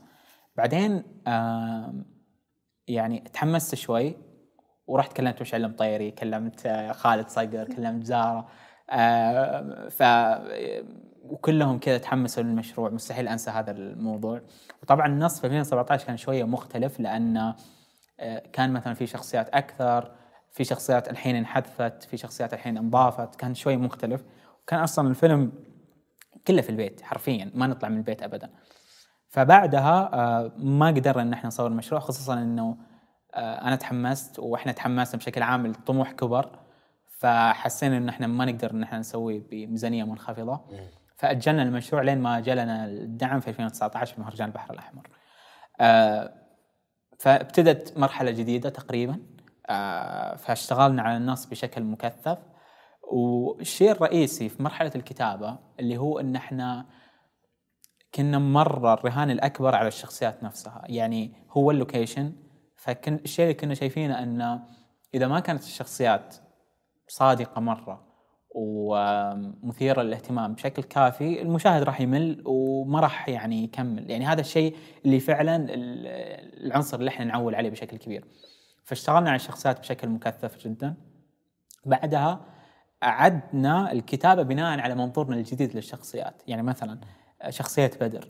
طيب بدر بما أنه كذا كذا كذا هل راح يسوي ذا الشيء هنا ولا لا؟ أنه خلاص نحاول أن إحنا آه، صوت الكاتب صوت المؤلف يعني ما يكون داخل في النص تكون كل الأفعال وكذا مبنية على الشخصية نفسها characters driven يعني. فاشتغلنا على هذا الموضوع. طبعا ال- الشيء المهم في في في ال- في الفيلم أنا أعتقد في عنصرين بشكل رئيسي مرة اللي هم النص طبعا لأنه هو ون لوكيشن فمهم مرة إنه ما يكون ممل ويكون في أحداث كثير وفي وفي عناصر تشدك تخليك تكمل الفيلم. بنفس الوقت يكون مكتوب بشكل صادق يعني حتى تصاعد الأحداث يكون منطقي. صح. فالحمد لله يعني اشتغلنا على هذا الموضوع كثير. رحنا طبعا معمل راوي في الأردن طورنا كان في كذا كتاب مخرجين مرة رهيبين أشرفوا على عملية تطوير النص. بشير عبد العزيز ما شاء الله مرة شاطرة.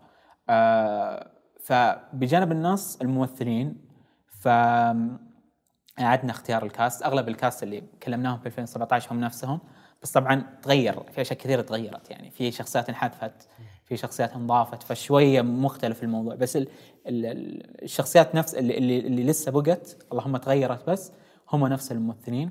فهم already عارفين النص مرة كويس زي مشعل وخالد وزارا. آم، فبعدها يعني الممثلين اشتغلت معاهم على مرحلتين. إحنا حاولنا إن إحنا نسوي rehearsals طبعا مرة مهم لأنه ال blocking وإن عندك خمس ممثلين مرة مهم إنك أنت تكون مستعد ويعني نسوي rehearsals من قبل التصوير بس عشان الظروف وكذا الممثلين كانوا مشغولين وكذا وكنت حريص على ان نفس ال cast يعني ما كنا نبغى نغير أحد. فالحمد لله نفس الكاست اللي كنت أبغاه هو نفس اللي جاء. فكان الشيء اللي قدرنا نسويه سوينا جلسات انفرادية. يعني جلست مع كل ممثل وقعدنا نتكلم عن الشخصية وكذا. مرة ذي المرحلة كانت مفيدة. بعدها كان الريهرسلز اللي نسويها اللي هي للحركة وللأداء قبل التصوير نفسه. هذا الشيء المتاح كان بالنسبة لنا يعني. بس تقريبا. هذا كتابيا. آه لما انت طولت مع الفيلم. طولت معاه وهو موجود في وعيك وتفكر فيه. Yeah. آه متأكد إنك لما بديت تشوف أفلام ثانية تجي تقول آه المشهد هذا ممكن يناسب. إيش كانت ال references أو الأفلام اللي استخدمتها عشان تحكي قصتك؟ okay.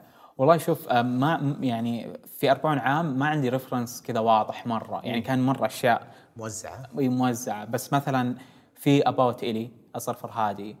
في مثلا 12 Angry Men في مثلا في فيلم مرة ما له علاقة بس كان reference ما أدري ليه اللي هو جودزيلا كذا شيء مرة ما له دخل. هذا هذا سين التنين اللي حذفناه. صدق كانت ال references يعني مرة كذا يعني موزع ما كان عندي reference واضح. حتى مو كلها نفس الجانرا مو كلها نفس ال genre وش كان وش أغرب reference حسيت إنه فادك في الفيلم؟ آه Revolu- Revolutionary Road الطريق الثوري اللي هو حق اللي سوى 1917 أنا اليوم انسى اسماء أيوة. كثير. ف يعني كان reference خصوصا من الناحية البصرية بصراحة. آه لأنه برضه كان مرة مهم إنه بصريا يصير الفيلم مش ممل يكون ممتع. فاشتغلنا على موضوع ال blocking وغيره. كان مدير التصوير أمين المسعدي تونسي مرة فنان. فنان. يا. ومصمم الإنتاج طبعا اللي هو. عبد الرحمن أبو الفرج. آه. عبد الرحمن برضه مرة شاطر. عبد الرحمن يعني واحدة من الأشياء اللي كنا نتناقش فيها إنه قد إيش يعني قد إيش مهم إن إحنا يكون مرة كل شيء أصيل موجود كل شيء يطلع أي شيء يطلع في الفريم كذا أصيل نقدر نرتبط فيه يعني. ف... قد قلت لك أول لما قابلتك في مهرجان الأفلام السعودية أكثر شيء شدني في الفيلم من البداية باب البيت باب بيت جدتي في القصيم. كان حقيقي. وترى وقتها من ذاك اليوم إلى اليوم شفنا أعمال سعودية كثيرة انفجرت بسنة واحدة. بس ترى كان من أول الأشياء اللي شفتها اللي قلت أوه حقيقي مرة بعيد عن اللي نشوفه بالتلفزيون. البيوت اللي نفس البيت يتأجر على كل الإعلانات ونفس كل المسلسلات من سهولة الإنتاج. لا واضح إنكم رحت أنتم كسرتوا جدار صح؟ اي خليتوا اي عبد الرحمن يعني عبد الرحمن فنان. عبد الرحمن فنان. عبد الرحمن سوى يعني سوى يعني سوى شيء خرافي اللي ما كنا متوقعينه خلال أسبوعين ثلاث أسابيع كذا. اللي دهن البيت من من الصفر كسر جدران بنى جدران. كنا النوافذ مثلا نبغاهم يكونون أكبر. كان مرة مهم ومن الكتاب عارفين ذا الشيء إنه مهم يصير في اتصال من بين برا وداخل وكذا. كان عندك لقطات كثيرة. إحنا جوا البيت وقاعدين نشوف شيء يصير بس لأنه الجدار اللي انكسر وتحط قزاز قاعدين نشوف أشياء ورا قاعدة تصير. ضبطت لك ال blocking أصلا صار كل frame كأنه رسمة فنية. صح. وفي شيء قاعد يصير ورا. في قصة تنحكى في الخلفية وقصة صح. تنحكى. لاحظت هال style كان صح. معاك وشدني ال cinematographer على هذا الشيء الصراحة. أي كان كان عنصر رئيسي مرة متكلمين فيه من البداية. ومن وقت الكتابة كان مبني النص على هذا الشيء. يعني عشان كذا مثلا حتى موضوع اختيار البيت كان ما كان سهل. يعني إحنا كنا بين خيارين اللي هل نبني ولا نشوف بيت. ف... فرحنا مع الخيار الثاني لأنه صعب جدا إنك يعني تبني ويكون حقيقي خصوصا البيت المفروض لا صار له عقود يعني. صح. المفروض إنه يعني شكله فريش بالضبط. المفروض إن الجدار تحس إنه فعلا صار له 15 سنة ما اندهن. الطاولة دي موجودة من ثمان سنوات ولا من 20 سنة عارف يعني؟ م. الأشياء صار لها وقت. فصعب مرة في الديكور تخلق نفس هذا الإحساس يعني. فرحنا مع خيار البيت بس يعني أنا كنت متوقع إنه بيت يعني أسهل شيء أسهل location تشوفه يعني. بس ما طلع كذا الموضوع خصوصا إن إحنا يعني آه يعني كنا نبغى البيت يعني نبغى نتحكم في الموضوع كامل. يعني فالبيت اللي أخذناه عبد الرحمن أبو الفرج اشتغل على الموضوع تماما يعني مرة كان مختلف عن البيت اللي في البداية أخذناه. wow. كان آه، أذكر لما شفت الفيلم أول مرة آه، ذكرني ب Who's Afraid of Virginia Woolf ما أدري لو الظاهر قد حكينا أنا وياك عنه في فيلم أمريكي Who's Afraid of Virginia Woolf عن دكتور جامعة في قرية في مدينة صغيرة. تعرف المدن اللي في أمريكا اللي تكون جنب جامعة فكل سكان المدينة طلاب ومدرسين وعوائلهم. فمدينة أكاديمية بحتة كل اللي فيها أكاديميين. وفيه آه، الزوجين الزوج الدكتور القديم في الجامعة ومعاه آه، اي الزوج ال- ال- ال- القديم الكبير في الجامعة ومعاه زوجته. اللي خلاص آخر 20 سنة إحنا في نفس البيت هذا وعايشين الحياة وخلاص وصلنا إلى رذم من المشاكل اللي عرفنا نعيش مع مشاكل بعض وصار في الرضا هذه بداية علاقتهم في الفيلم. بعدين ارمي لي اثنين جدد توهم داخلين المدينة ولد صغير وزوجته وشوف علاقتهم كيف حبهم فريش وعلاقتهم لذيذة. بعدين تعالوا نتغدى تعالوا نتعشى مع بعض. فالفيلم كله هو العشاء اللي بينهم والجيل القديم اللي مع بعض والجيل الجديد اللي جالسين كل واحد منهم غيران من اللي عند الثاني وكل واحد منهم يحس إن الثاني هو السعيد. بعدين شوف لي انهيار عائلتين قدامك بعشاء. الفيلم كله في البيت الفيلم ك... نفس ال... نفس حتى البلوكينج لما نشوف في أذكر كانت في لقطة من جوا البيت صار ملاقط كبير وتوزعوا الناس راحوا وكانت على نهاية اليوم فهم شربوا وسكروا وخ... وخاست ال... حياتهم. طلعوا زباينهم على بعض. كان حقيقي جدا. آه وكان قريب من السينما الإيرانية بعد من هالمنظور. فكان في لقطة أذكرها آه، إحنا جوا البيت نشوف الزوج جالس كذا اللي فاصل اللي وش سويت أنا اليوم؟ وفي آخر المشهد قاعدين نشوف الزوجة جالسة على المرجح الزوجة الثانية جالسة تفكر بشيء. التوزيع هذا مرة مرة يبي لك تشوف الفيلم؟ ضروري وأي أحد بيشوف آه أربعين عام وليلة حلو يشوف آه Who's Afraid Virginia Woolf لأنه من الأفلام اللي آه مبنية على حدث مبنية على حوار. احبها هذه الأفلام مثل أفلام ريتشارد لينكليتر. Tape برضو. عنده Before Sunset Before Midnight آه، Before Sun- طبعاً، طبعاً، طبعاً. okay، عنده okay، Tape okay. عنده Boyhood كل أفلامه كلها ثلاثية experiment. Before آه، رهيبة صراحة. جدا. خيالية. يعني مدرسة في صدق كيف إنك يعني عندك شخصيتين وفيلم كله حواري مع ذلك ممتع جدا يعني. من أجل يعني أنا أتوقع إنه يعني مو مرة أنا أحب الأفلام الرومانسية بس يعني هذا الفيلم مرة أنا أعشقه صراحة. ما كان تصدق ما كان رومانسي بقدر ما هو فلسفي ولا هو فلسفة. أفلاطون قال لا لا لا فلسفي من ناحية إحنا في بداية العشرينات ما ندري إيش قاعدين نسوي في حياتنا تقابلنا في القطار بدينا نسولف خذ لي الفيلم كامل حوار بينهم. تصدق رجعت قبل يمكن كم يوم أبي أرجع أشوفه مرة ثانية ال- الأهداف يعني الأسباب شخصية. أه، أبي أشوف كيف تطورت كإنسان من أول مرة شفتهم شفتهم وأنا بالعشرينات بداية العشرينات والفيلم كان كنت بأعمار الشخصيات أعمار أول فيلم. آه، وكنت أمر بنفس التجارب. آه، وكنت أتساءل نفس الأسئلة. آه، من ناحية يعني آه، قرارات شخصية من ناحية وجودية من ناحية فلسفية من ناحية من ناحية اهتمامات فأذكر كنت أشوف الفيلم ومنبهر بالحوارات. إنها شيء جديد ما عمري شفته وغير حياتي كواحد في بداية العشرينات. بس أعجبني لما رجعت وشفتها مرة ثانية أقول أوه الحوارات هذه ولو إنها عميقة خلاص تشربتها وفهمتها وتصارعت معها وعرفتها بس شفت الفيلم من منظور ثاني تماما من ناحية التمثيل ومن ناحية الإخراج ومن ناحية منظور مختلف تماما. يا أخي. ف... إيش؟ لا بس كنت بقول لك مثير للاهتمام لما ترجع تشوف شيء وانت بعمر مختلف تشوف قديش انت تغيرت. صح.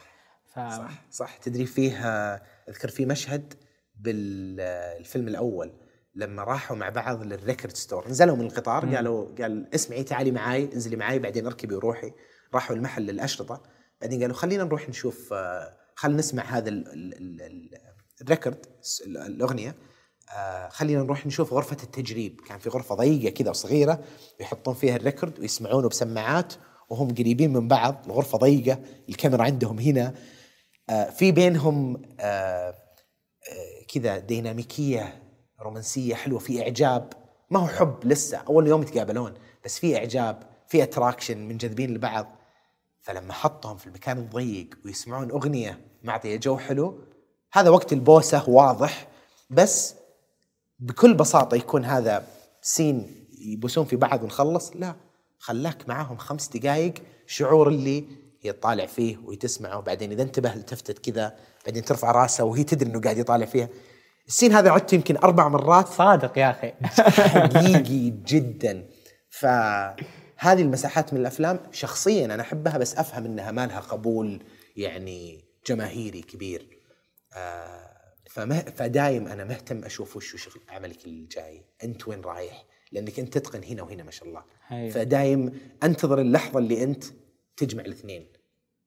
والله شوف آه، أنا ما أنا مرة مهم بالنسبة لي صدق ان يعني آه، أنا مرة سعيد بالتجارب اللي سويتها خصوصا مؤخرا الفيلم والمسلسل. بس برضو يعني في أشياء كثير كذا تعلمتها من التجارب. وأنا كإنسان أكيد كل يوم قاعد أتطور. فانا مرة متفائل بالجاي ومرة حريص إن الأعمال الجاية تكون توصل إلى شريحة أكبر يعني مرة مهم بالنسبة لي. بنفس الوقت يعني ما تفقد صوتك بعد. بالضبط مرة مهم. يعني أنا آخر شيء أبغاه إني أسوي شيء أنا مو ما يمثلني أو شيء مو عاجبني مرة عارف؟ مرة مهم بالنسبة لي إني أسوي شيء أنا حابه جدا وشيء قصه فعلا أنا أبي أقولها. وودي أجرب أنماط جديدة يعني عارف؟ مثلا قاعد أكتب مسلسل يعني ساخر إلى كوميدي عارف؟ مرة مبسوط عليه آه في عندي فيلم برضه طويل قاعد أشتغل عليه مع عبد العزيز العيسى مرة متحمس له برضه يعني أنواع مرة مختلفة كل عمل في جو إيش مختلف. ال genres حقتها؟ يعني مثلا الفيلم آه، جريمة و- وإثارة المسلسل آه، دراما و- ويعني كوميديا؟ المسلسل أنت قاعد تكتبه؟ اي قاعد أكتب ومسلسل قصير ولا طويل؟ لا قصير. يعني أتخيل كذا. platform يعني يروح platform. بالضبط. مرة متحمس له يعني لأنه الشخصيات اللي موجودة من الشخصيات اللي دائما تسوين اللي هي الشخصيات المهمشه أو الشخصيات ال- اللي يا أخي عارف الشخص اللي دائما لما تروح مكان آه، ويعني أغلب الوقت مو بالضرورة ساكت بس تحس إنه يعني الأقل أهمية في هذا المكان آه، مرة أنا تشدني ذي الشخصيات صراحة شخصية خالد في 40 عام وليلة مثلا إيه. اي ترى هذا من أكثر الأشياء اللي شدتني لأنه كان الولد الأوسط صح؟ آه لا لا ما كان الأوسط ما كان اخوهم الأوسط هو؟ يعني في النص بس ما يعني تقريبا آه لا ما كان الأوسط كان هو ثاني واحد بس يعني تقريبا ثاني يعني واحد أكبر من البنات كان؟ آه اي كان أكبر آه منه. كان أكبر من البنات يمكن أوسط العيال بالضبط أوسط العيال كان ثلاث عيال إيه. صح آه اللي شدني فيه إنه ما هو آخر العنقود؟ المدلع البثر اللي قاعد كل شوي يكلم خطيبته ما أدري خويته. الفيلم بس اللي عجبني فيه وأي أحد بيشوفه كان عجبني إن كل شخصية كانت هي هي لها يعني أبعادها. كل شخصية تشبه أحد شفناه في حياتنا.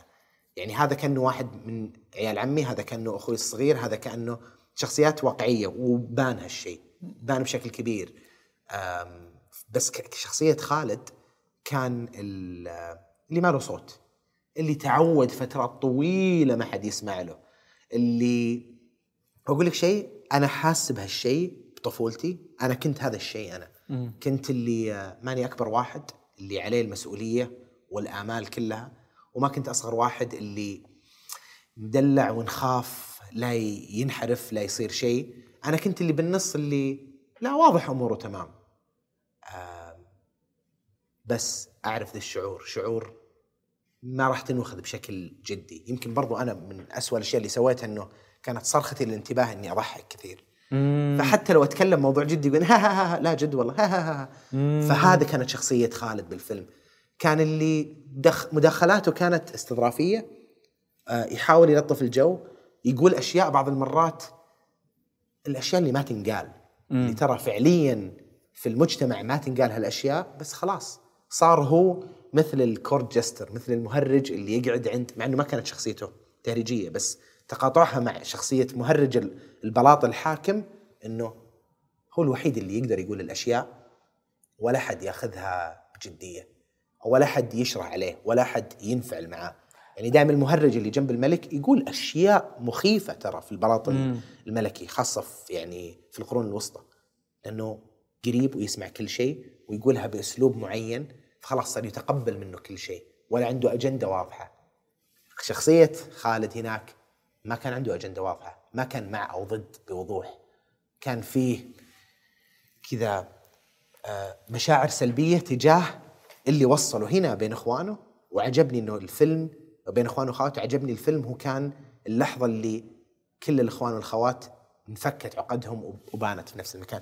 كتابيا كان جميل والله. التمثيل الإخراج. م- يعني من أفضل الأفلام اللي شفتها الصراحة السنة اللي فاتت. حبيبي والله كلامك جميل. وشوف خلينا نقلبها جلسة ثيرابي شوي.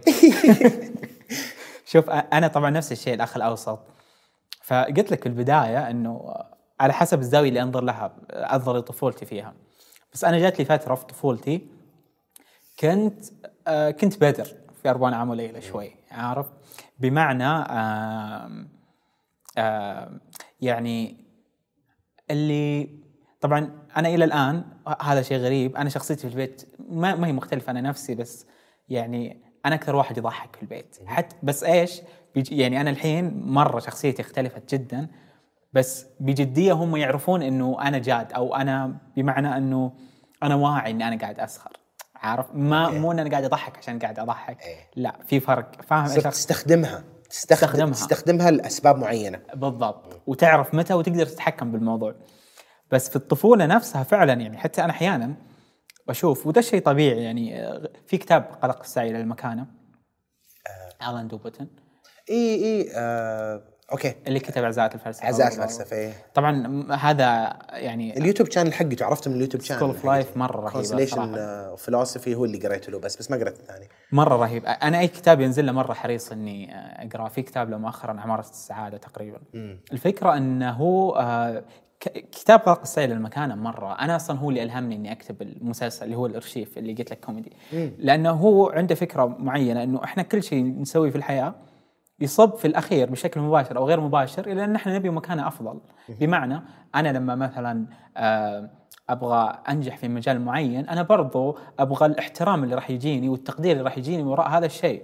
آه، لما أبغى سيارة معينة جيدة أنا ما يعني الموضوع مو في السياره نفسها بقدر ما الاحترام والتقدير وال والراحة والمكانة عندي والمكانة إيه. اللي بتجي من السيارة فأنا مرة يعني أعتقد إنه فعلا وأنا واعي إنه حتى أنا مثلا يعني أو حتى أي أحد دائما تصير يكون هذا الشيء اللي في الأخير اللي أنت تبغاه يعني القبول الاجتماعي القبول مربوط الاجتماعي بالبقاء. مربوط بالبقاء انه. يتقبلك الثاني أيوة. يتقبلك الآخر تعيشون مع بعض تاكل معاهم تتزاوج مع ال...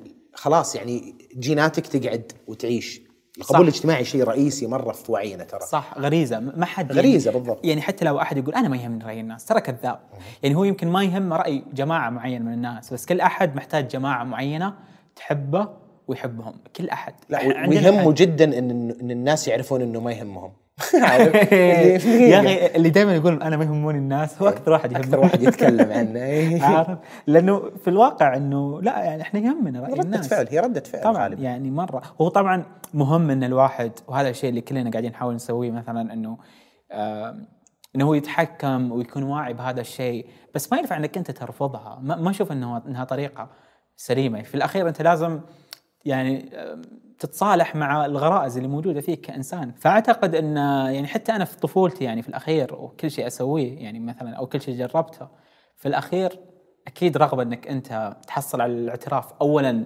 نفسك أنك أنت تبي تصير يعني واثق من نفسك أكثر. بس برضو الناس يعني أنت تبغى تكسب هذه الثقة والاحترام اللي اللي من الناس نفسهم. كلنا أتوقع نبغى هذا الشيء. 100% وأحس أحسن واحد عالجها من قريب ريكي جيرفيز. لو ما أدري لو شفت مسلسل على نتفلكس After Life إي شفت آخر موسم؟ لا للأسف لسه آخر موسم آخر موسم يتكلم عن هذه القضية بالذات. إنه لا أنا ما يهموني الناس ولا يهمني نظرتهم لي وأنا أصلا ما فرقت معاي. هذا كانت فكرة هذه الشخصية من أول موسم. الموسم الثالث يدخل فيها بالتفصيل. مرة حلو. ست مرة. حلقات خلصته أمس أو قبل أمس. يعني أحس هذا العمل اللي خلاص ريكي جيرفيز بعده راح يكون فنان ثاني آه لأنه اختزل كل تجاربه اللي قبل كل ال stand up اللي سواه كل ال shows الصغيرة اللي سواها جمع فلسفته في الحياة هنا حطها في المشروع خلص. الحين أي شيء ثاني بيسوي ريكي جيرفيز راح يكون fresh ومختلف أحس. جميل. آه بس تكلم عن دي النقطه متحمس أشوفهم. أنا شفت الأول والثاني تقريبا ف... تو نازل من أسبوع ترى هو أسبوعين تقريبا. آه لما كنت أتكلم عن آلان دي بوتون تذكرت آه Sophie's World عالم صوفي ما أدري لو قريته ولا لا. أيوه. آم، ه- ال- ال- يا أخي من اللي عجبني في آلان دي بوتون واليوتيوب channel حقته School of Life وفتحت فتحت لي ناس ثانيين ويوتيوب channels ثانية تتكلم عن ال- الفلسفة بشكل أقرب لنا. ما هي الفلسفة ال- العميقة وال ال- وش الكلمة اللي هي ال- اللي ما تستفيد منها أصلاً. الفوقية أيوة يعني. اللي اللي نسميها بلا فلسفة اللي لما تدخل لي بتفاصيل وإنه مقصود فيها كذا أوكي هذه مهمة اكاديميا لناس معينين يبنون لنا شيء ثاني عطني خلاصة الفلسفة وخلاصة تجارب وأفكار ناس مهمين في التاريخ وناس آه، أذكياء آه، ومختلفين Sophie's World كان قريب من ذا الشيء. كيف أخذك بتاريخ الفلسفة كلها من البداية إلى اليوم آه، من قبل الإغريق إلى مين أفلاطون نسمع اسمه كثير. ودائما ينقال في مواقف تغث. اللي يقولها قاعد يستخدمها عشان يكون شكله أفضل مننا. بس لا هناك راح أخذها بنت عمرها 17 سنة. قاعدة تجيها الرسائل وتفهم كل فيلسوف من منظور حياتك اليومية كبنت عمرك 17 الفلسفة هذه كيف قاعدة تأثر عليك؟ يا سلام. شوف الفلسفة آه، أنت مرة قلت نقطة مهمة أنه في الأساس الفلسفة يعني وتكلم آه، في كاتب مغربي اسمه سعيد ناشيد إذا ما كنت غلطان في الاسم. آه، بس عنده كتب عن الفلسفة مرة جميلة. وبرضه حتى ألان دوبتن. الفكرة أنه آه، الفلسفة في, ال- في الأساس يعني هي المفروض أنها تكون وسيلة تخلينا نفهم أنفسنا نفهم العالم عشان نعيش بشكل أفضل ونعيش حياة جيدة يعني. فبالفعل يعني أنا مثلا آه، كتب آلن مثلا أو غيره وحتى كتب سعيد نشيد مرة كتب يعني اللي مهتم بالفلسفة وخصوصا في البداية مرة أنصح إنه يقرأ له. آه، في مثلا عنده كتاب مرة حلو اسمه التداوي بالفلسفة. فأنا حتى كمحمد لما أرجع يعني أقرأ هذه الكتب لما تكون عندي مشكلة معينة أو شيء زي كذا مرة يفرق معي الموضوع. عزات الفلسفة مثلا في يعني فصل عن الفقد فصل عن العجز فصل عن فأنت لما تقرأه يعني وتشوف معاناة أشخاص قبلك تحس نفسك ما أنت لحالك عارف؟ وتبتدي تتعاطى مع الشيء اللي عندك بشكل مرة مختلف. تدري وش بيعجبك أنت مرة؟ وأنت تتكلم تو جا على بالي. قد مرت عليك آه، يوتيوب channel اسمها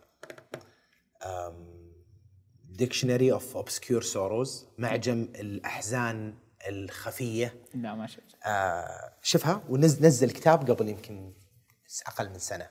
آه، الفكرة منها قاعد يقول في أحاسيس معينة إحنا نحس فيها وما لها اسم. بس إن أحاسيس فيها حزن شوي.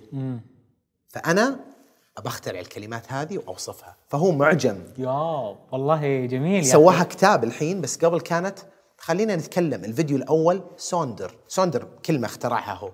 بس يقول sonder هو الإحساس اللي لما تكون تمشي في السيارة أنت وحياتك كلها قاعدة تصير من منظورك وفي واحد انتبهت إنه oh shit في واحد جنبي بالإشارة الثانية.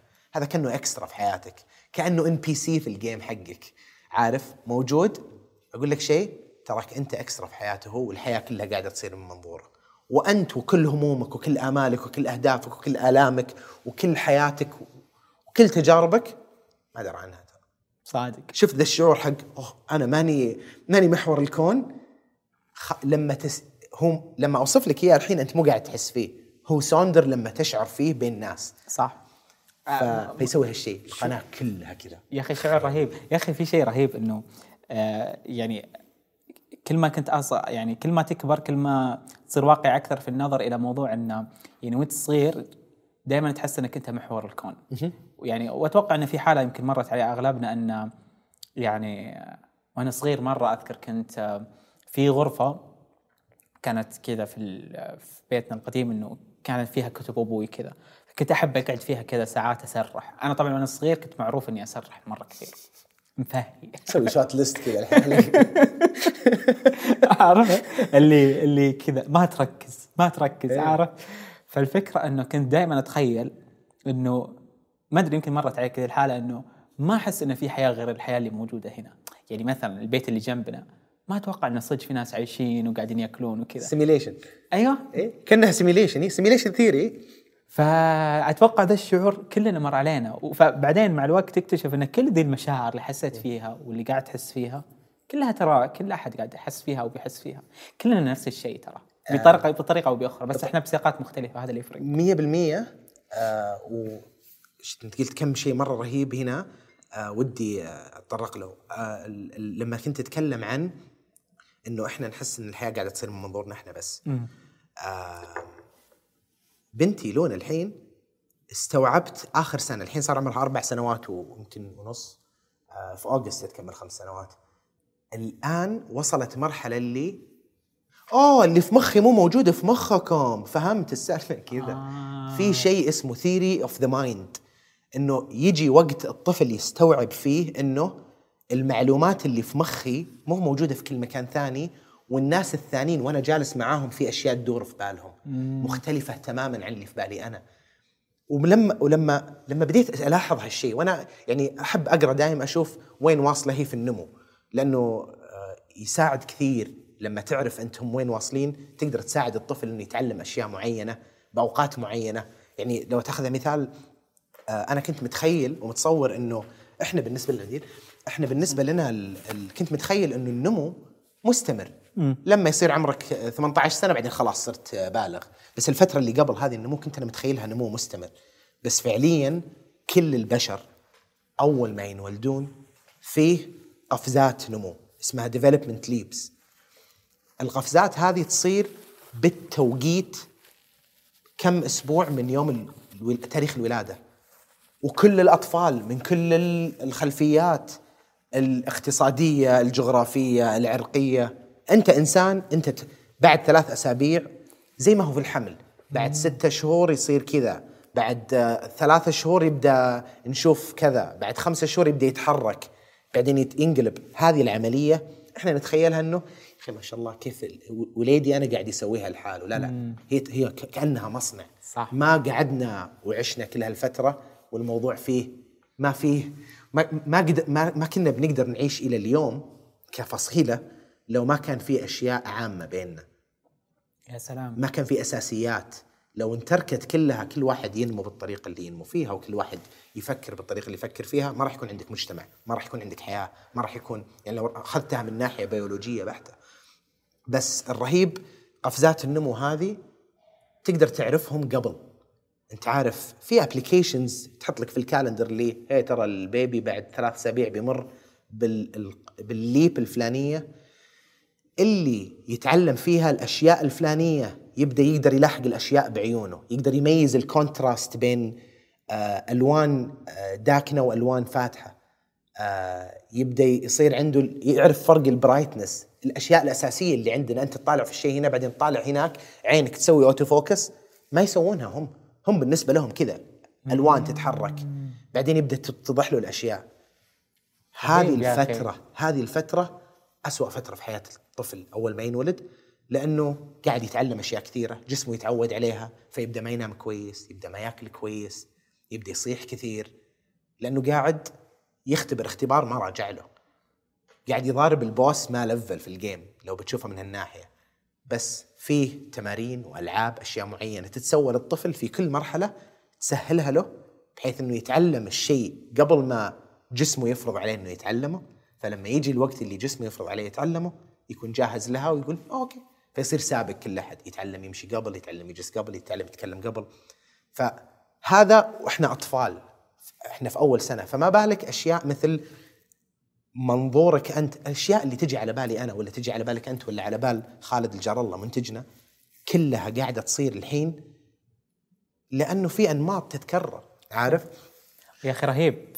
فحلو إنك رهيب. تفهمها. والفلسفة تجيبها بهالمنظور آه فلسفة الكتب غير فلسفة يوتيوب. أنا يعجبني كيف يوتيوب يقول okay okay مو لازم تقرأ الكتاب شوف هذه إذا عجبك راح أدخل فيه زيادة. هذه Dictionary of Obscure Sorrows مرة رهيبة. مرة مرة رهيبه ب- مرة حمسني صراحة. كنز احس يا أخي. مرة. وفي لما قلت لي تو أنت عن إنه وش اللي قاعد يصير برا آه ما أدري قد شفت فيلم Waking Life حق ريتشارد لينكليتر بعد اللي سوى trilogy لا فيلم ما الأحلام اللي كان animated وكذا. فيها آه، الظاهر إنه تصور بعدين صار animated ما أدري وش التكنولوجيا اللي استخدموها بس غريب. في scenes حقيقية وفي scenes لا. كذا stretch كأنك في حلم. الفيلم عن الأحلام.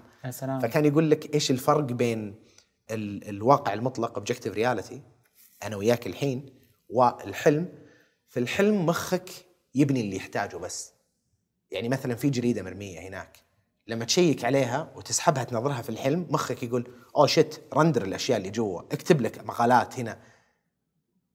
لو إن هذا حلم بيتكم مو موجود. مخك ما يحتاج يسويه. تذكر لعبت GTA تذكر GTA 3 على ال PlayStation 1 آه Grand Theft Auto؟ ما أعتقد صراحة. السيارات. آه آه طبعا اي طبعا. حرامي السيارات. okay. تذكر إذا دعست مرة اسرعت اسرعت اسرعت بعدين فجأة تبدأ المدينة تطلع. تطلع المباني بعدين يصير لها أول شيء تطلع كذا مستطيلات بعدين يطلع ال texture بعدين تطلع شبابيك. ليش؟ لأنه المعالج حق ال PlayStation ما يحتاج يرسم الأشياء اللي هناك ويسحبها من ال memory ويطلع لك إياها. يقول إذا قربت منها أنا بطلع لك إياها. بس إذا كنت مرة مسرع أنت تسبقها. فالواقع الحين لما كنت تقول لي أنت إنه مرات تجيك الفكرة هذه هل أنا هل في شيء غيري؟ هل الناس الثانيين كلهم NPCs ولا أنا لا؟ كلها نظريات تكلموا فيها الناس من مئات السنين وجت على بالهم نفس الأفكار من قبل. صح. أحد ممكن يشوفها وسوسة أحد يشوفها صح. لا. وأنت وأنت دائما. تفكر ان أنت لحالك اللي تفكر كذا. بس أيوه مع الوقت تكتشف انه لا مو لحالك يا صاحبي. ابدا. في ناس كثير نفسك عارف؟ مره مثير للاهتمام يا أخي. بعدين يا أخي على طار الأحلام آه في شغلتين. طبعا في كتاب مرة رهيب حق علي الوردي اسمه الأحلام بين العلم والعقيدة. طبعا بس هذه من الكتب اللي قريتها وأنا كذا أول سنة جامعة وثالث ثانوي يعني. يعني أذكر لما قريت حق علي الوردي خوارق اللا شعور ما زالت ما قريت. له أي شيء؟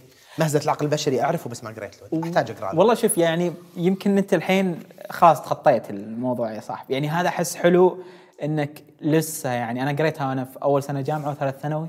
خوارق الشعور ممكن بس يعني أنا متأكد إن الأشياء كلها مره عليك يمكن اللي ممكن تقراها في كتب علي الوردي. بس في عندك كتاب اسمه الأحلام بين العلم والعقيدة مرة جيد. بس خلك من الكتب. سوبرانوس طبعا ما يا أخي أنا لسه كذا مخلص الموسم على وشك أخلص الموسم السادس. أول مرة تشوفه؟ أنا شفت يعني توي قاعد أكمله. يا حظك. فيا رجل. كمية الغيرة انك اول مرة تشوفه ما أقدر أوصفها يا أخي أنا أغبط الناس اللي لسه ما شافوا شيء. أنا باقي لي أربع حلقات وقاعد أجزئهم عارف؟ لأنه يعني واحدة من الأشياء مشاهد الأحلام اللي موجودة إيش هذا الذكاء؟ الذكاء يا أخي بشكل غير طبيعي يا ما راح أحرق أي شيء بس في حلم في غيبوبة في المسلسل. اي هذا يعني طبعا إيه. عرفته. استهبال. عرفته. استهبال. ترى سوبرانوس من الأشياء اللي طبعا الأحلام كلها أحلام السمك اللي كانت تصير في. آه الكاميرا اللي تزوم فجأة بالحلم عليهم وهم جالسين. مم. أنت إذا خلصت قل لي برسل لك كم فيديو آه يقول لك آه أنت حاسب إنك فاهم السالفة. ارجع لي من season 2 حلم معين ولا مشهد معين في شيء قاعد يصير وراه ما هي صدفة. لا مزروعة الأشياء. واضح كيف بيخلص من البداية. واضح كيف بيتسوى. مع إنه وأنت ما عندك أي تصور عن نهاية المسلسل؟ تعرف كيف ينتهي المسلسل؟ لا لا ما راح. أقول لك obviously أكيد. بس okay. أنت ما عندك أي تصور كيف ينتهي؟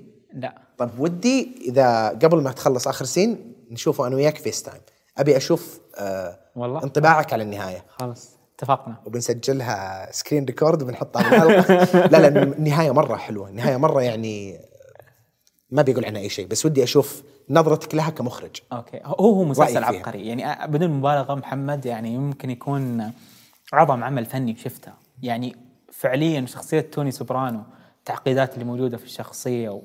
عظيم يا أخي. أنا ما ودي أحرق ولا في في كذا سواليف.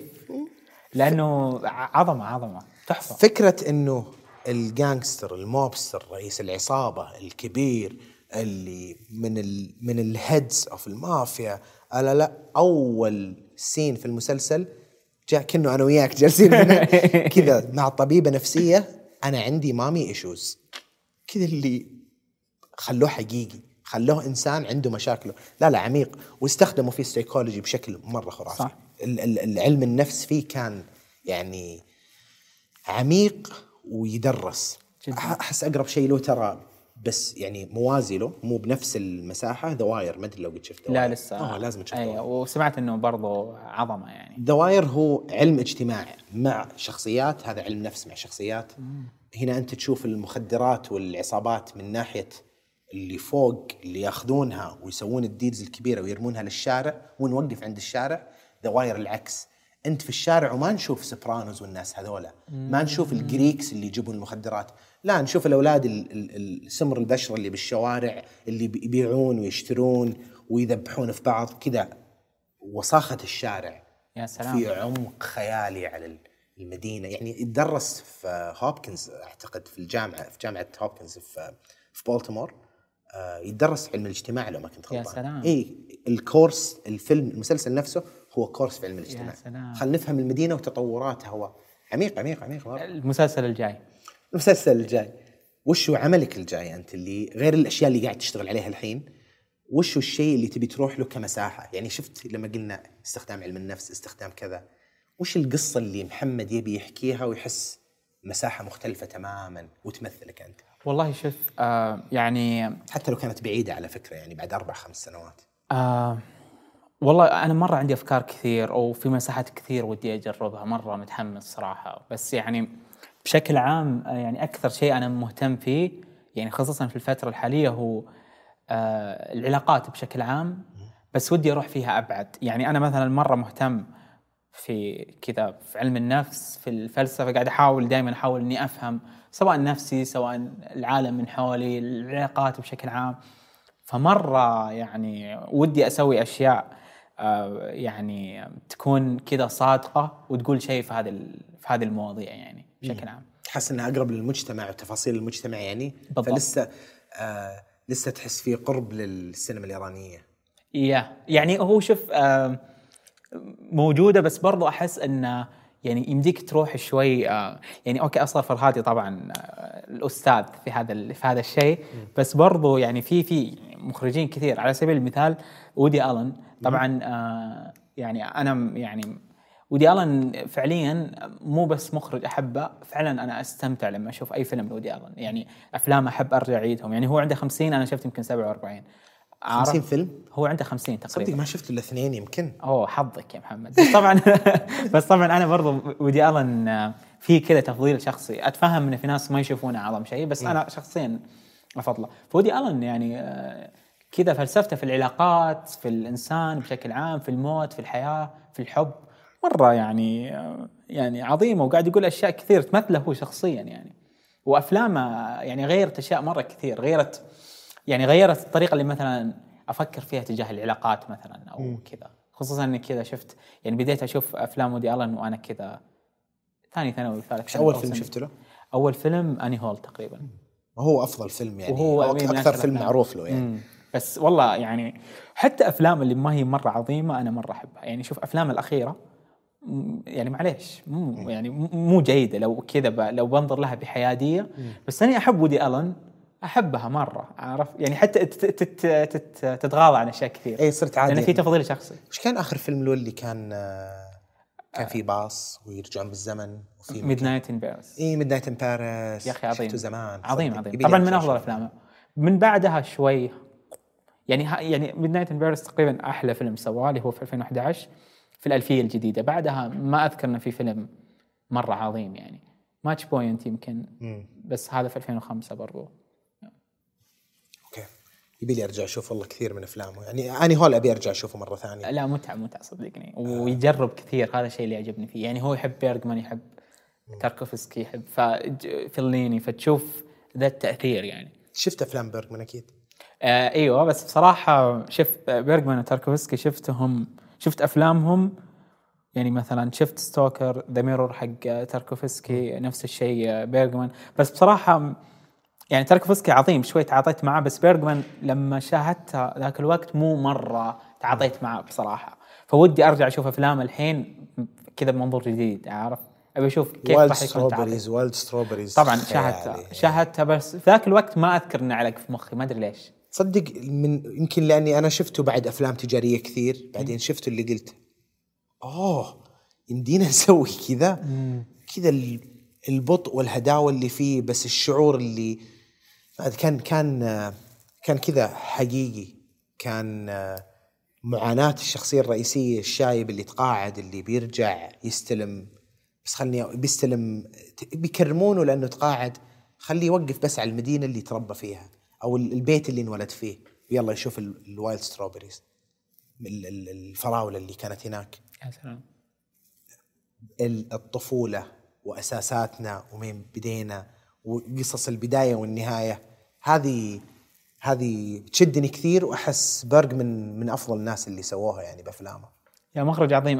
بس يعني زي ما قلت لك أحس ودي أرجع أعيد استكشافه يا أخي. حتى أنا. هو هو تاركوفسكي يعني أحس فيه أشياء كثير. حتى كيوبريك على فكرة. يعني شفت أغلب أفلامه بس آه ودي أرجع أعيد أشوف أفلامه صراحة. لأن متأكد إنه في أشياء ما ما تعاطيت معاها. في أشياء ما وصلتني. فودي الحين أشوفها من زي. إيش؟ يعني- سبيس اوديسي أكيد. آه مثلا اي وحتى الفيلم اللي هو آه Dr. Strangelove عظيم احبه مرة اي عظيم. بس في فيلم اللي اللي عن ال- اللي عن العنف شيء في Orange. Clockwork Orange يا أخي. هذا هذا الفيلم. يعني أنا أذكر حبيته مرة بس يعني بعدين لما رجعت أقرأ مقال عنه تو كذا قبل فترة حسيت أوه أنا شفته يبي لي أشوفه مرة لا ثانية. لا وحتى لو أصلا لو تقرأ هو لأنه مبني على كتاب وهذا اللي كان يسويه آه آه كوبريك. يعني الأشياء الثقيلة اللي سواها كانت مبنية على كتب مثل Clockwork Orange حق انتوني بيرجس الظاهر. مره الكتاب رهيب والقصة رهيبة ولا, ولا هو ثقيل. الكتاب قصير بس فيه themes المراهقين وال والثورة اللي تصير وقت المراهقة والعنف وطبيعه الإنسان إنه ترى في ناس كثير ما تقدر تسوي فيه شيء. أساسه العنف موجود فيه. صح. أساسه إنه يحتاج السجن موجود لهالناس. صح. بس كيف يتعامل معاهم؟ بالمجتمع. العيون اللي طبعاً. كان عميق مرة رهيب. صح صح. Space Odyssey عجبني فيه إنه كتجربة كتبه هو هو آرثر سي كلارك. آرثر سي كلارك من أهم كتاب ال sci-fi. يعني يعتبر من الأربع الأساسيين في آخر يمكن 100 سنة. آه ولو إنه ال sci-fi كان موجود قبل بشكل خفيف آرثر سي كلارك آزيموف وهاينلين وكم واحد يعني يعتبرون من أثقل الناس.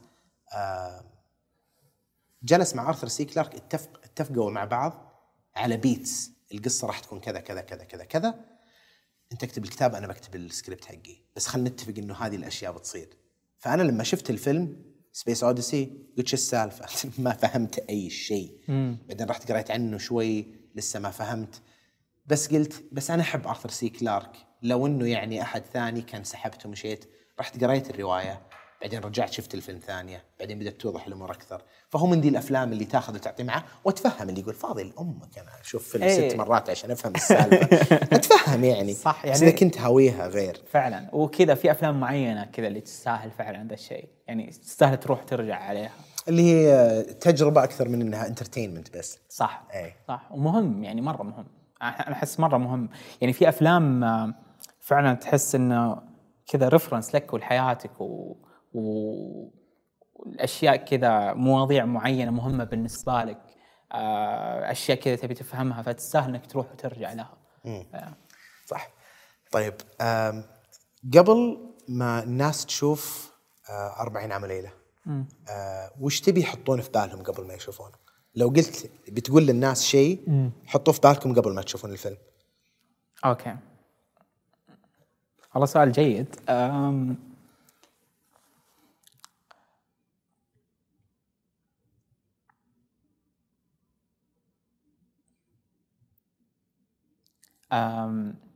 لازم يصير التعاطي مع القصة. إن إحنا أول شيء نحاول إن شوف في شيء في 40 عام وليلة إن الفكرة نفسها والموضوع موجود في المسلسلات الخليجية من قبل. آه وعلى فكرة يعني مثلا فيلم ما في ورث ما ورث بس مثلا أنا مش ضد ترى إنه يجي فيلم عن الورث؟ أكيد. يعني في الأخير ترى ذا موضوع برضو يعني انطرح في, في الدراما بشكل سطحي بس موضوع برضو ترى يمديك يا أخي Succession مثلا. صح. تخيل إنه مسلسل خليجي. دائما الناس يقولون يقولون سكسيشن مسلسل خليجي تسوى صح. بالضبط. كثير يقولون هي. اي ف عظيم يا أخي. مرة أنا بالنسبة لي يعني من أعظم المسلسلات الحديثة فعلا. فالفكرة إنه بنحاول ان شوي نشيل في بالنا ذا الموضوع يعني نشيل في بالنا ونتعاطى نتعاطى معاه ك نتعاطى معاه بشكل كذا إحادي لأن إحنا في الفيلم حاولنا بقدر المستطاع إن يعني نكتب الشخصيات بشكل كذا صحيح ورصين. نتعاطى مع الموضوع بشكل غير مباشر. وإحنا يا جماعة قاعدين يعني آه، نطرح تساؤلات مو قاعدين نقول شيء معين. في الأخير كل أحد راح يطلع وعنده تفسيره الخاص نظرته الخاصة للفيلم. غريب أنا ما جاني ذا الشعور الصراحة لما شفت الفيلم. يعني عجبني مرة. بعدين تكلمت مع ناس جاباهم من منظور ثاني اللي قالوا آه قصة مسلسل خليجي تسوت فيلم. قلت لحظة أي قصة تقدر تسويها مسلسل خليجي؟ تسويها فيلم تسويها animation تسويها صح. كتاب تسويها comic تسويها سالفة. بس السؤال هل استخدام وسط الفيلم حكى هذه القصة بشكل مختلف و... و... وناجح؟ صراحة هذا الشيء يعني مرة شدني. ومو لأنك معاي قاعد أقول لك ذا الكلام يعني آه أربع أيام ليلة من أكثر الأفلام اللي رحت قاعد تقول للناس كلهم لازم تشوفونه. فمرة مبسوط إنه أخيرا على نتفليكس الله مبروك وتستاهل محمد حبيبي. ويستاهلون كل ال- ال- ال- الفريق اللي كانوا معاك من ناحية crew و cast آه وأنت إنسان لذيذ. وأتحمس لأي شيء تسويه يا حبيبي آه، وأنبسط لمشاريعك الجايه ومتحمس لها وأتمنى أنا أقدر يكون بيني وبينك أي طريقة نشتغل فيها مع بعض والله آه، يوم بشكل. مباشر أو غير مباشر لأني مرة يلهموني الناس الفنانين زي أتمنى يا محمد والله أنت فنان وأنا يا. أخي انبسطت في الجلسة مرة الله مرة يسعدك. مرة يا أخي أنا أكثر. والتوصيات العظيمة دي لا تنساها يا صاحبي كله برسل لك إيميل واحد يا حبيبي حبيبي، الله يسعدك كانت محمد. جلستنا الجاية شكرا يا محمد يعطيكم العافية شباب good